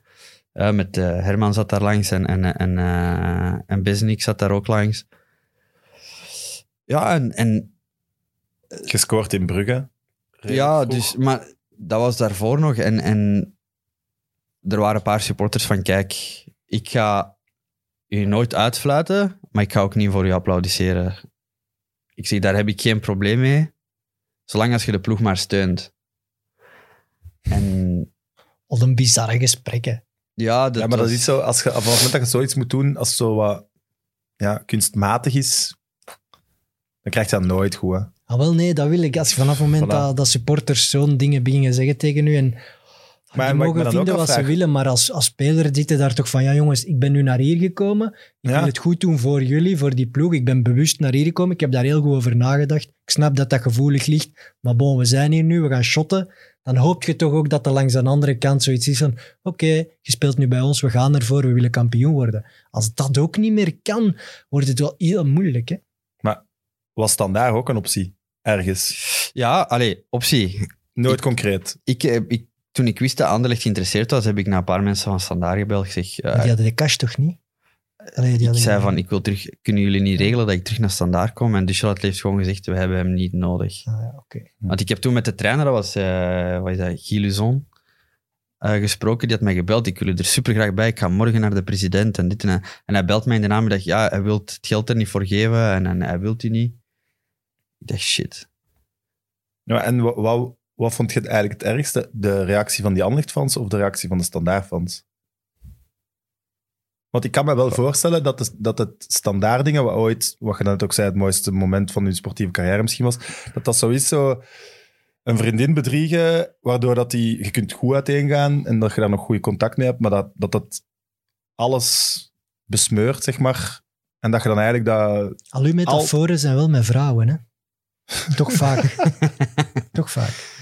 Ja, nee. die- Ja, maar ja, hoe kan anders zeggen? Ja, maar nee, maar die tifo, red or dead, dat is ook Belgische voetbalgeschiedenis. Dat moet toch binnenkomen? Ja, maar- maar, wacht, want dat wil ik eens weten van u. Wat vind jij van die tifo? Eh, dat gaat erover. Dat gaat er ver over. Vind ik. En Ik heb daar al onlangs nog een discussie over moeten voeren toen dat, dat zoveel jaar geleden was. Ik tweette dan nog van eigenlijk onbegrijpelijk dat dat zomaar is kunnen gebeuren. Het stadion binnen, dat kan toch niet anders dan dat er een bekke Ik kan hulp mij is geweest. niet- Allee, dat, dat bestaat Ik niet, kan dat mij fans zelfs- me niet ik weet voorstellen niet wie het was, maar iemand van Ja. het bestuur van Standaard had die foto toen getweet Voilà, en heeft hij er direct afgehaald. Dus Ze wisten dat. Ze wisten het. voilà. Maar omdat het zo, dat er veel supporters van buitenaf of veel mensen van buitenaf zeiden dat het walgelijk was, dat die meneer zijn tweet heeft. eh, Het is, het is Maar ik snap als je daar zo een spandoek zet in je blote, dat je daar zo een beetje gênant staat. Of allee, zo zo'n dingen. Er hadden veel, veel ludiekere Ludieker, ja. acties, uh, straffere statements, ze mogen harde woorden gebruiken, maar dat... eh, Er zijn gekken die dan de daad bij het woord zouden kunnen voeren. En zo'n grote tifo geeft, geeft die paar gekken die er rondlopen in de wereld wel de moed om die stap te zetten. Dus ik, als, als mijn kop daar zou hangen, fuck man, ik zou wel slikken, hè. Ja, maar op dat moment dat ik, ja, ik zoveel adrenaline in mijn lijf en eh, op dat moment, juist voor die aftrap, ik dacht zo, oké, dat is heftig, maar we moeten nu voetballen. Zoiets had ik. Ik vond het veel gevaarlijk, die bommetjes dat er altijd, die werden echt langs mij en, Recht en naar u langs, gegooid. echt naar mij gegooid. Nooit gedacht tegen de... Kom jongens, we stappen van het veld. We gaan de, terug de Ja, kleedkamer ik- en ja, laat ze daar- dan... Ik zei dat- tegen de dat scheidsrechter op een zijn bepaald geweest, moment van... Ook, eh, Silvio is ook tijdens de opwarming naar de scheidsrechter gegaan. En hij zei van, scheids... en hij zei zoiets heel laconiek. Van, je moet niet zo moeilijk doen of zo. eh, dat hoort erbij. En ik had zoiets van... Oké, dus ik was zo'n beetje opgenaaid op, op, op die reacties. Dus van, de controle is weg. Ja, ja, ze zijn Want dit kon uit de hand lopen. Dit kon, in Genk had ik nooit het gevoel, dit gaat uit de hand lopen. In Sanaa had ik wel het gevoel, dit kon uit de hand lopen. Ja, sorry, er hangt een spandoek eh, waar dat ze uw hoofd, hoofd eraf hakken. Natuurlijk kan het uit de hand lopen. Maar daar had ik... Daar, daar, Dat Ja, maar ik wil, ik wil dat- zelfs nog begrijpen, de mensen die dat spandoek allee, verdedigen, ik wil dan nog ergens begrijpen dat het een actie van de supporters is en dat ze dat niet bedoelen van dood, maar wel Nee, van, ja, ja, voor tuurlijk. ons, zijt Maar ik jij begrijp- hier ik- ik dood. dat wil ik nog begrijpen, maar het- ik herinner me wel, het was een heel stadion continu als die bal nog maar naar hem ging, daarop Ja, maar ik bommetjes begrijp het, die- eh, ik begrijp het, de- de- het verraad en, en, en het soort van haat dat ze tegenover mij hebben en het gefluit. Maar we zitten nog altijd in een stadion en in, in, het is voetbal. Uiteindelijk is het maar voetbal. Hè. Hey, Ja, ja, ik weet dat veel, voor veel supporters dat veel meer betekent.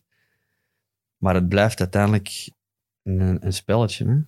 Ik, ik als had je het dan die bal... Legitiem, ja, sorry, ik had het legitiem gevonden dat je dan als Anderlecht zijn. Ah, oké, dat hangt daar, wij spelen niet. Dat had legitiem Maar ik vind dan dat mensen met, met een veel hogere functie dat hadden moeten doen. Van Anderlecht of van Standaard? Van de voetbalbond. Van de voetbal. Of van de scheidsrechterij. Of van de Van, scheidsrechterij. ah, ja, Want dat nee, heb je ook met... niet. Als je nu uit het voorbeeld van de Super League begint... eh, De baas van de UEFA zegt van jullie moeten er nu uitvliegen.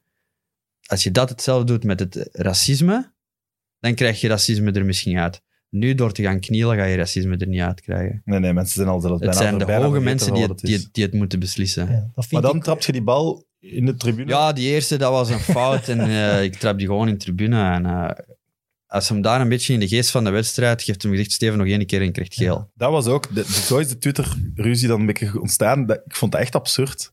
Die twee, allee, Wat? dat Maar de tweede geel, het tweede geel, was dom. Nee, vond ik onterecht in de zin van, Carcela lag op de grond en Standaard gaat in de tegenaanval, dus Standaard shot de bal niet buiten. Ah ja. Dus wij veroveren die bal, dus ik shot die kaart buiten van, ik had zoiets van, fuck, fuck it, eh, Standaard smijt de bal niet buiten, wij doen dat wel. Ik, natuurlijk, ik shot die veel te hard buiten, En niet omhoog, hè. Maar ik had niet gehoord dat de scheidsrechter aan het fluiten was, want iedereen was mij aan het uitfluiten. Dus die scheidsrechter die geeft mij een tweede Maar keer hij shot geel. je ook wel echt staalhard rechtdoor. Ja, Niet omhoog. ja, tuurlijk. Maar ja. Ja, uit frustratie, hè. Deels uit frustratie, maar ook... Maar als de scheidsrechter dan mij even apart had ge- genomen, kijk Steven, dat doet je gewoon niet meer. Of... eh Allee, even een minuut of twee minuten, nee, direct geel zonder commentaar. En dat vind ik het irritante aan, aan, aan eh, sommige scheidsrechters dat er geen overleg mogelijk is. Terwijl in Engeland, voor hetzelfde geld schaten ze zelf ook uit in Engeland. Maar hè. dit is een zeer, allee, dit is een zeer uitzonderlijke situatie. Ehm, waarin dat je een speler krijgt die geviseerd wordt op een, op een waanzinnige manier, dat je in België niet zo vaak tegenkomt. Dan moet je als scheidsrechter dat toch heel anders aanvoelen en die speler ook kunnen beschermen en snappen wat de gevoeligheden zijn langs beide zijden. Dat was misschien een overdreven reactie om die bal er keihard publiek in te stampen, maar dat is niet een doodschop, dat is geen elleboog. Dus dat kan je zeggen, Steven, ik weet het is een bijzonder vreemde match voor u vandaag. Eh, laat ons even kalmeren, laat ons zien hoe dat de Maar had dat geholpen als een scheidsrechter? dat Tuurlijk. Ja, dan misschien wel. Maar dan, dan word je vanzelf ook weer Ja. rustiger. Maar het, Ja, het begint toch een beetje met de irritatie en de laconieke reactie van de scheidsrechter. Daar Ja, ja, begint het, voilà. daar begint het Dat mee. geloof ik ook. Maar jij moet je ook voorstellen, want het is nu gemakkelijk ja, van het veld stappen en blablabla. Je laat zo'n heel stadion... Ja, maar in Genk was het ook een heel stadion. En dan, dan heb je wel Ja. zoiets van, ik moet hier rustig blijven, ik moet hier rustig blijven. vind je dan niet dat er een rustig Wat je voorbeeld gedaan hebt van Genk naar Standaard was zeker toen in die tijdsgeest anders dan dat, dat van Anderlecht. Ja, Want jij absoluut. waart een verpersoonlijking van de haat van Standaard naar. Anderlecht toe. Maar dus ik was- begrijp, ik, ik heb het al gezegd, ik begrijp dat de mensen zich verraden voelden en dat ze dat willen uiten. Geen probleem mee. Maar het moet... Ja, je zit in een voetbalstadion, er zijn regels om te volgen. En ook...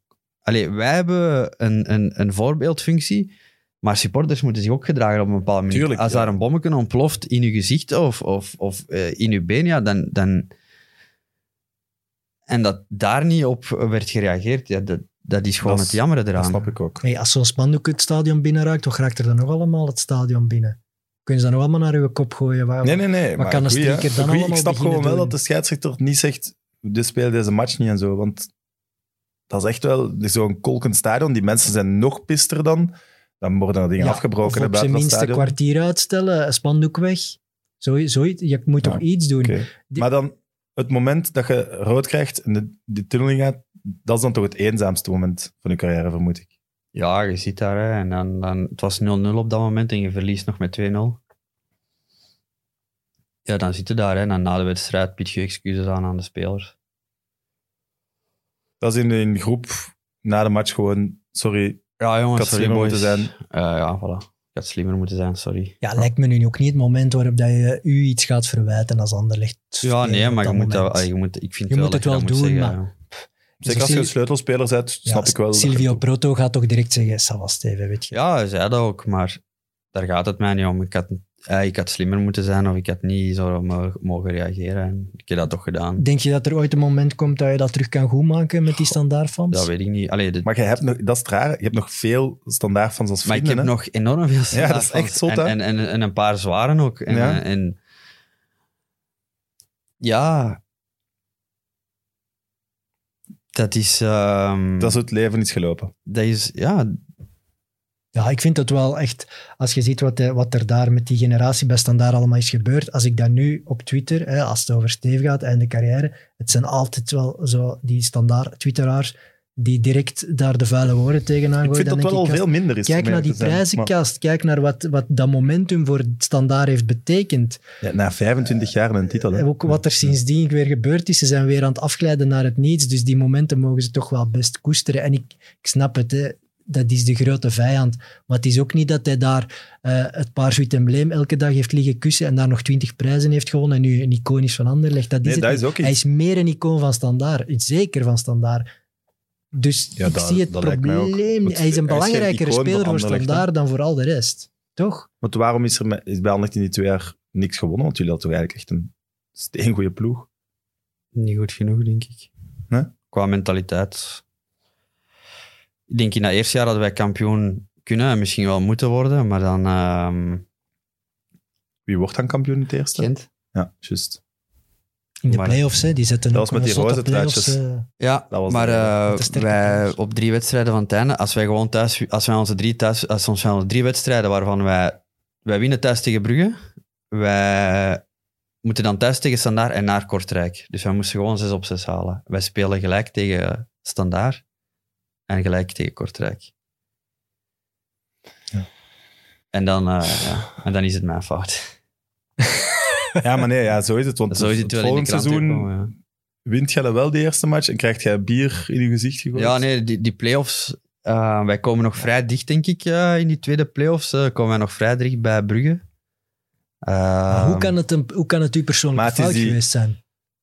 Eh, omdat ik de duurste transfer was. En, ze Hij zeiden moest van, de ja, kampioen maken. ja, ik moest Anderlecht kampioen maken. En dan werd mijn levenswandel eh even door de molen gehaald. En ja, het was mijn fout. Dat is altijd, hè. Er moet een zondebok zijn in, in, in zo'n verhaal. Dat is, ik vind het niet logisch of niet terecht. Ja, maar Nee, dat is was toch- zo. dat Dat je, be- dat je bewust eh, op het veld ligt te boycotten. Nee, maar ik heb nee, toen nee, statistisch, ik heb toen niet. statistisch gezien mijn beste seizoen wel, Ja. eh, wel gedraaid. Dus dan is dat toch een bizar... Ik snap dat een coach of zo, of een voorzitter of iemand die Nee, de er waren transfers er heeft nog gedaan wel in de echt spelers Maar- die je eigenlijk, als je er objectief naar zou kijken, waar je zegt, ja oké, dat zijn een paar spelers die zeker meer schuld treffen. Ah, wel, voilà. Dus ik vind, dat, ik vind een bizarre redenering dat een verdedigende middenvelder die er toch onbekend staat, dat hem altijd alles Maar ik, geeft, ik dan was, plots ik was tweede is. topscorer als verdedigende middenvelder, dus ik had eh, zeven of acht goals gemaakt. En, Oh, is dat je persoonlijke levenswandel als je weer verweten dat je, dat je het nachtleven indook? Ja, maar dat was, dat was op zich wel grappig, want het is altijd hetzelfde. En ze zien mij bijvoorbeeld één keer in een discotheek waar ik met heel de ploeg ben, bijvoorbeeld. En dan, dan is het, eh, ja, Steven is weer gezien in de discotheken. En dan. Het, het, het, het, het ding is dat het altijd is geweest in een periode waar ik supergoed aan het voetballen was. En dan als het wat minder gaat, zo het, einde van het seizoen. Tijdens de play-offs bijvoorbeeld niet, niet op stap gegaan of zo, ook geen blessures opgelopen of zo. En dan ineens die artikels, ja, het schijnt dat. eh, hè, er zijn, eh, Men zegt. men zegt dat hij eh, veel in het nachtleven van, van Brussel zat en zo. Ja, toen het toen met mijn toenmalige vriendin gedaan was, ben ik, ik ja, is zo twee of drie maanden regelmatiger iets gaan drinken. Maar dat was niet buitensporig of dat was niet... eh, maar dat was ook altijd met... Er zijn spelers die veel meer als mij op stap gaan. Ehm, maar dat was in een periode toen ik de pannen van aan het spelen was. En dan op een bepaald moment, juist voor twee of drie weken voor de bekerfinale, in een duel, verstuik ik mijn enkel. En moet ik eigenlijk mijn, een zware tape de bekerfinale tegen, tegen Brugge spelen met Anderlecht. En dan die play-offs, ja, mijn enkel zat nog niet echt... Maar ik, ik speelde op zich wel, eh, wel goed. Maar dan na het seizoen wordt ineens een rekening gemaakt. En dan... eh, tot ik op een bepaald moment ook belde naar, naar, naar, eh, naar Besnik. Ik zei van... Besnik, gelooft jij dat allemaal en zo? En, en ja, wat is hier het plan achter? Want, allee, Ik denk dat er een mol zat. Sowieso. In Anderlecht zit er altijd wel een mol. Maar weet je wie of dat interesseert je? Nee, op zich interesseert me dat niet, maar je moet wel weten dat altijd bijvoorbeeld in, in een kleedkamer of in Anderlecht, al is het een bestuurder of is het een, een, een medewerker, alles was geweten op Anderlecht. Omdat het meer een ego Ook als er, als het een slechte periode was en Van den Stok kwam in de kleedkamer praten, dan dat ik daarna stond het- exact, wat, want dan wordt er op het einde nog gezegd, dit mag niet naar buiten komen. En dat ik daarna staat alles gedetailleerd erin. Vreemd toch? Dan weet je, je voelt dat Maar toch heb- als groep, van waar, vanuit, vanuit welke Maar je hoek dat, dat, toch dat nu ook bij Anderlecht, als je die machtsstrijden... Dat is, dat is altijd... Je hebt nooit een vriend, denk ik, bij Anderlecht. Dat is altijd voor elkaar... Als puntje bij paaltje komt, Ja, Maar op zich was het was de ploeg en, en, en de mensen daar rond in Anderlecht, waren, dat was wel een, een, een soort van familiegevoel. Dat was wel een soort van vrienden. We hadden, we, Ja. allee, ja. Wat ik wel altijd besnap, oké, er zijn huisjournalisten die betere bronnen hebben als een ander, die dan van alles opzetten, maar dat het vanuit de kleedkamer zelf echt komt en je weet dat als speler, daar zou ik wel een vies gevoel bij hebben. ja, maar het, het, het, het ergste is, meestal komt het ook niet van de spelers. Maar daar wel. Maar ze verwijzen wel altijd naar de spelers. Ja. Dat, is het, dat, is het, dat is het rare eraan. Goed, dan gebeurt wel het bierincident en dan zeg je tegen Van Osbeek, oké, deze is echt... Ja, we spelen in niet goed Oostende, denk ik. ehm, en Na ik een moet de gewonnen match, trappen. Ja, nee, we, verliezen, eh, we waren aan het verliezen. En het, het grappige is, ik, ik krijg die bier over mij. En ik dacht van, ja, ik stop, ik ga gewoon naar binnen. Maar ik, ik trap die corner, die bal die komt nog zo wat terug en ik trap die binnen. Maar we verliezen nog met 4-2 of zo. En, eh, Ja, want ik dacht... maar ik wou, toen gewonnen echt van, eh, ik wou toen echt van het veld stappen. En- maar Silvio zei, blijf, blijf gewoon staan. En de dag daarna ben ik naar Herman geweest en ik zeg van, ja, Het gaat niet goed komen. het, het gaat niet meer goed Nee, komen. nee. Weet je, ik heb mijn best gedaan. Ehm, ik heb alles gegeven en weet je, laten we er in de zomer gewoon zorgen voor dat, dat ik ehm, dat ik weg kan en zeggen, ja, we zullen dat wel regelen. En dan Burnley. Het voordeel aan zoveel komen is dat we het Burnley-hoofdstuk kunnen overslagen. Mensen die dat willen weten, naar de Kick and Rush podcast met Steven de Voer kijken. Tenzij dat Evert een vraag heeft. Nee, maar Burnley, ik vind dat een hele mooie keuze geweest achteraf. Ik vind dat wel echt zo een club die wat vergeten was doordat ze niet in de Premier League zat. Maar de laatste jaren is wel bewezen dat die heeft, dat heeft iets cult. En die, die momenten in de Premier League nemen ze nooit meer af. En hier vliegt een serieus vliegtuig eh, naast dat raam. Gaat Maar- in het gebouw vliegen. Die, die goal tegen Manchester United bijvoorbeeld, dat is een eikmoment. Allee, dat is weer zo'n eikpunt in je carrière dat je voor de rest van je leven kunt, kunt zeggen, ik heb dat meegemaakt. En daarvoor alleen Ja, al is die het- transfer Het geslaagd. hè. grappige, ik werd daar direct onthaald als een soort van held of zo. Dat is En die hadden direct mijn ja. eigen liedje en zo. Dus. Ja, maar omdat die, daar spelen ook voetballers die niet konden voetballen. En dan Dat was, dat was een hele andere voetbal. Ja, En maar je zegt dat, toch die... Premier League? Allee, die Ja, was echt kick and rush daar. En hij, was, hij kon ineens wel voetballen. Ja, maar iedereen zei zo van, als we die was kunnen halen, dan ja, die kunnen we eigenlijk niet halen. Ah, ja. En je komt dan toch. en het, het ding is, in, mijn, in die seizoenen, ik heb drie goals voor Burnley gemaakt en die zijn alle drie verkozen tot, allee, in, de, in de top vijf van de decades hè, van, van Burnley. Dus Ongelooflijk eigenlijk. maar dat, echt, en ook... Terwijl ja, ik ben twee keer gaan zien in Man City. Twee keer 5-0 of zo. ja, maar, Ja, maar ja, ook met City, kom hey. maar we- ik zat dat ook scheelt. dat legendarische seizoen dat wij zevende worden en eigenlijk ja, Europa ingaan. Ja, dat was een van mijn beste seizoenen ooit, tot aan, tot aan mijn eh, kraakbeenblessure. Ja, in Burnley, dat was, ja, dat was de meest intense en, en tofste periode uit... uit, uit, En uit toch nog zalig dat je die Premier League kunt meemaken. toch? Absoluut. Dat is toch het en jij werd ook echt gelukkig. Daar herinner ik mij nog. Ja, ik, ik was daar echt gelukkig omdat ik toen ook die periode intens beleefde. Bijvoorbeeld in standaard ging alles aan 200 per uur en je staat daar niet bij stil. Je wordt kampioen, oké, prima. Gouden schoen, prima. Maar je geniet daar niet van. In Burnley had ik echt van het eerste tot het laatste moment genoten van, om, om daar te zijn. Is er nog iets voor de kick and rush nu? Oh ja, die hebben een uur gevuld. Oh, Ik heb daar veel verteld. Over een rat en zo, prijsdingen. Maar we laten dat... Antwerpen hebben wij ook al eens besproken in de mid-mid. Dus we zijn stil zijn naar het einde aan het gaan. Maar ik vroeg mij wel af... Je je hebt toen gezegd dat Beleuni u eigenlijk te snel bij Antwerpen heeft willen, willen in de ploeg zetten. Niet met kwade wil daarom, maar dat hij eigenlijk te snel is gegaan. En is, heeft, is dat dan nu de reden waarom je nu al moet stoppen? Of is het, heeft dat er eigenlijk niet zoveel mee te maken? Niet zoveel in de zin van, we hadden dat beter kunnen doen.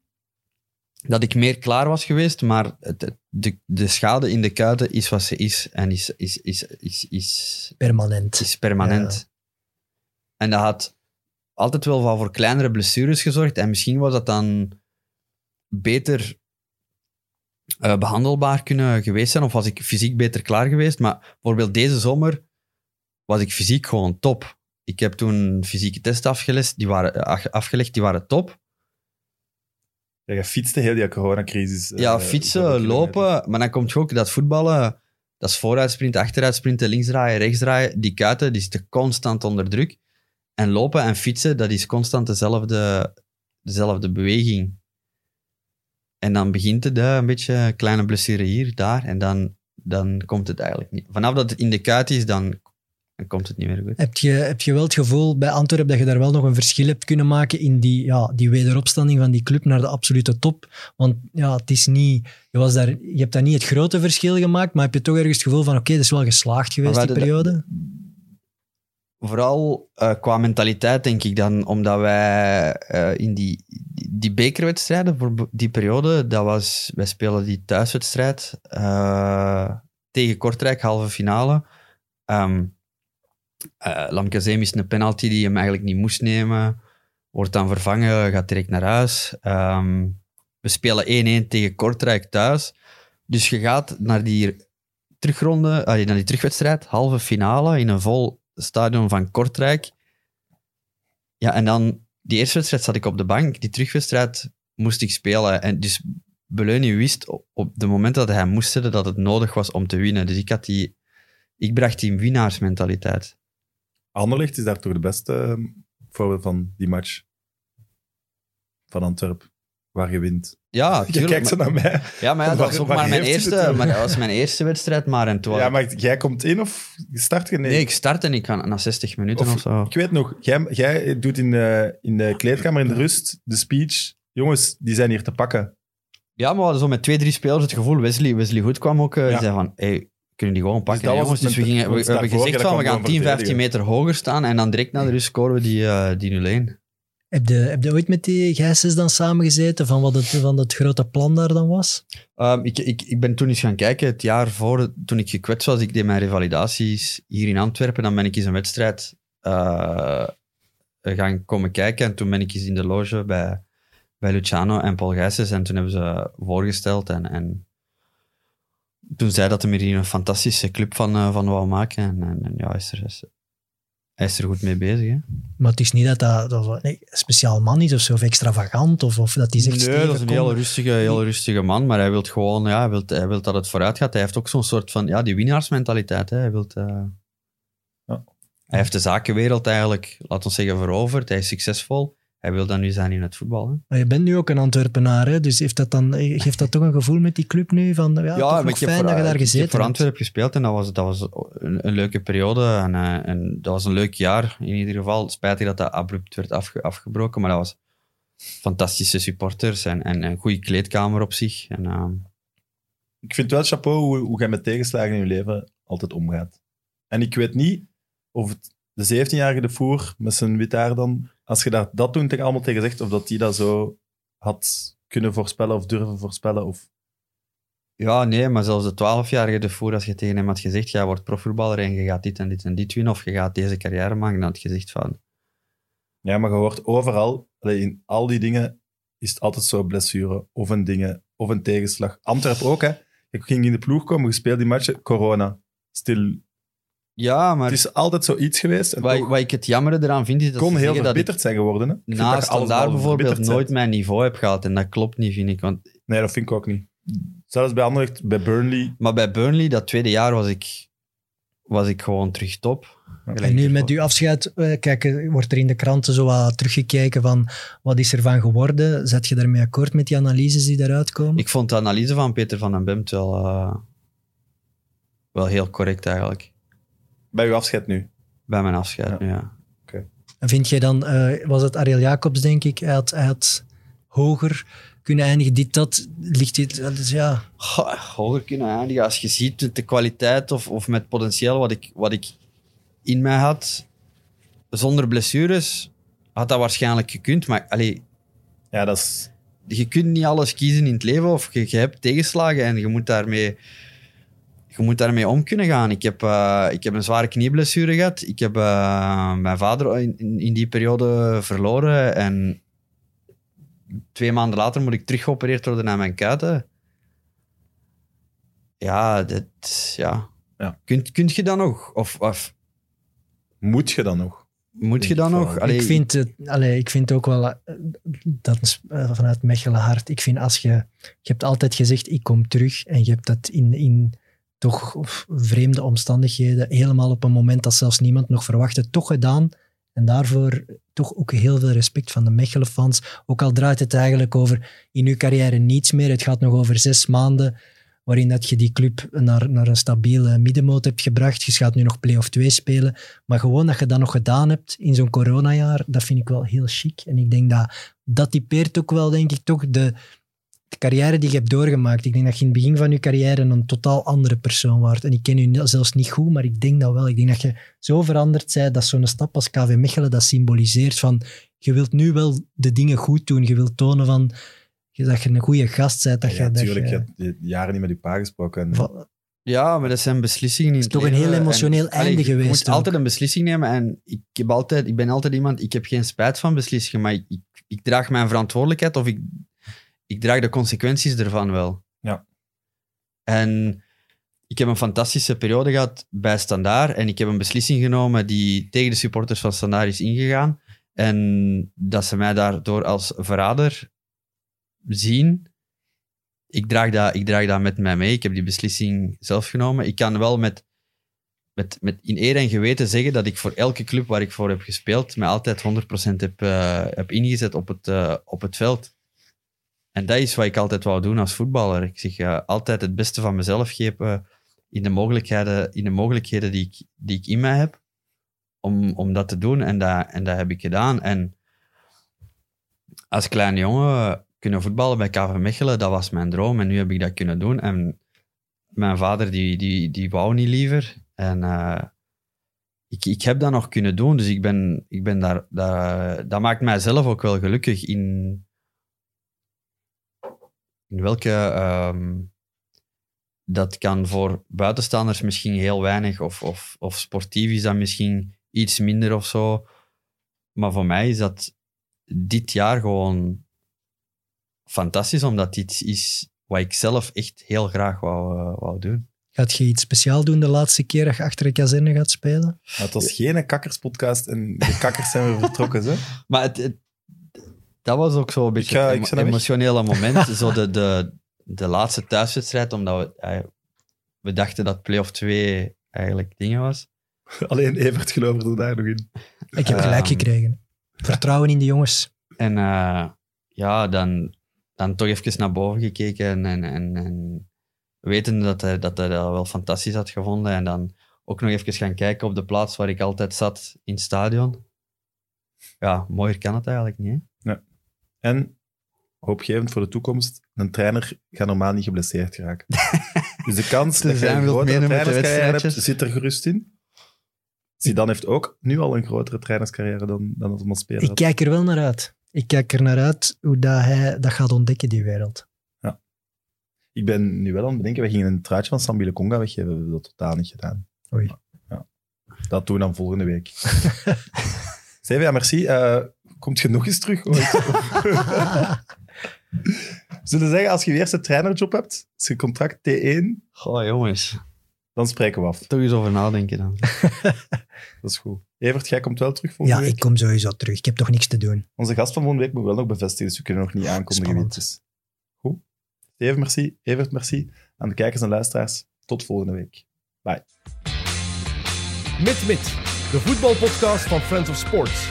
Nu ook op PlaySports.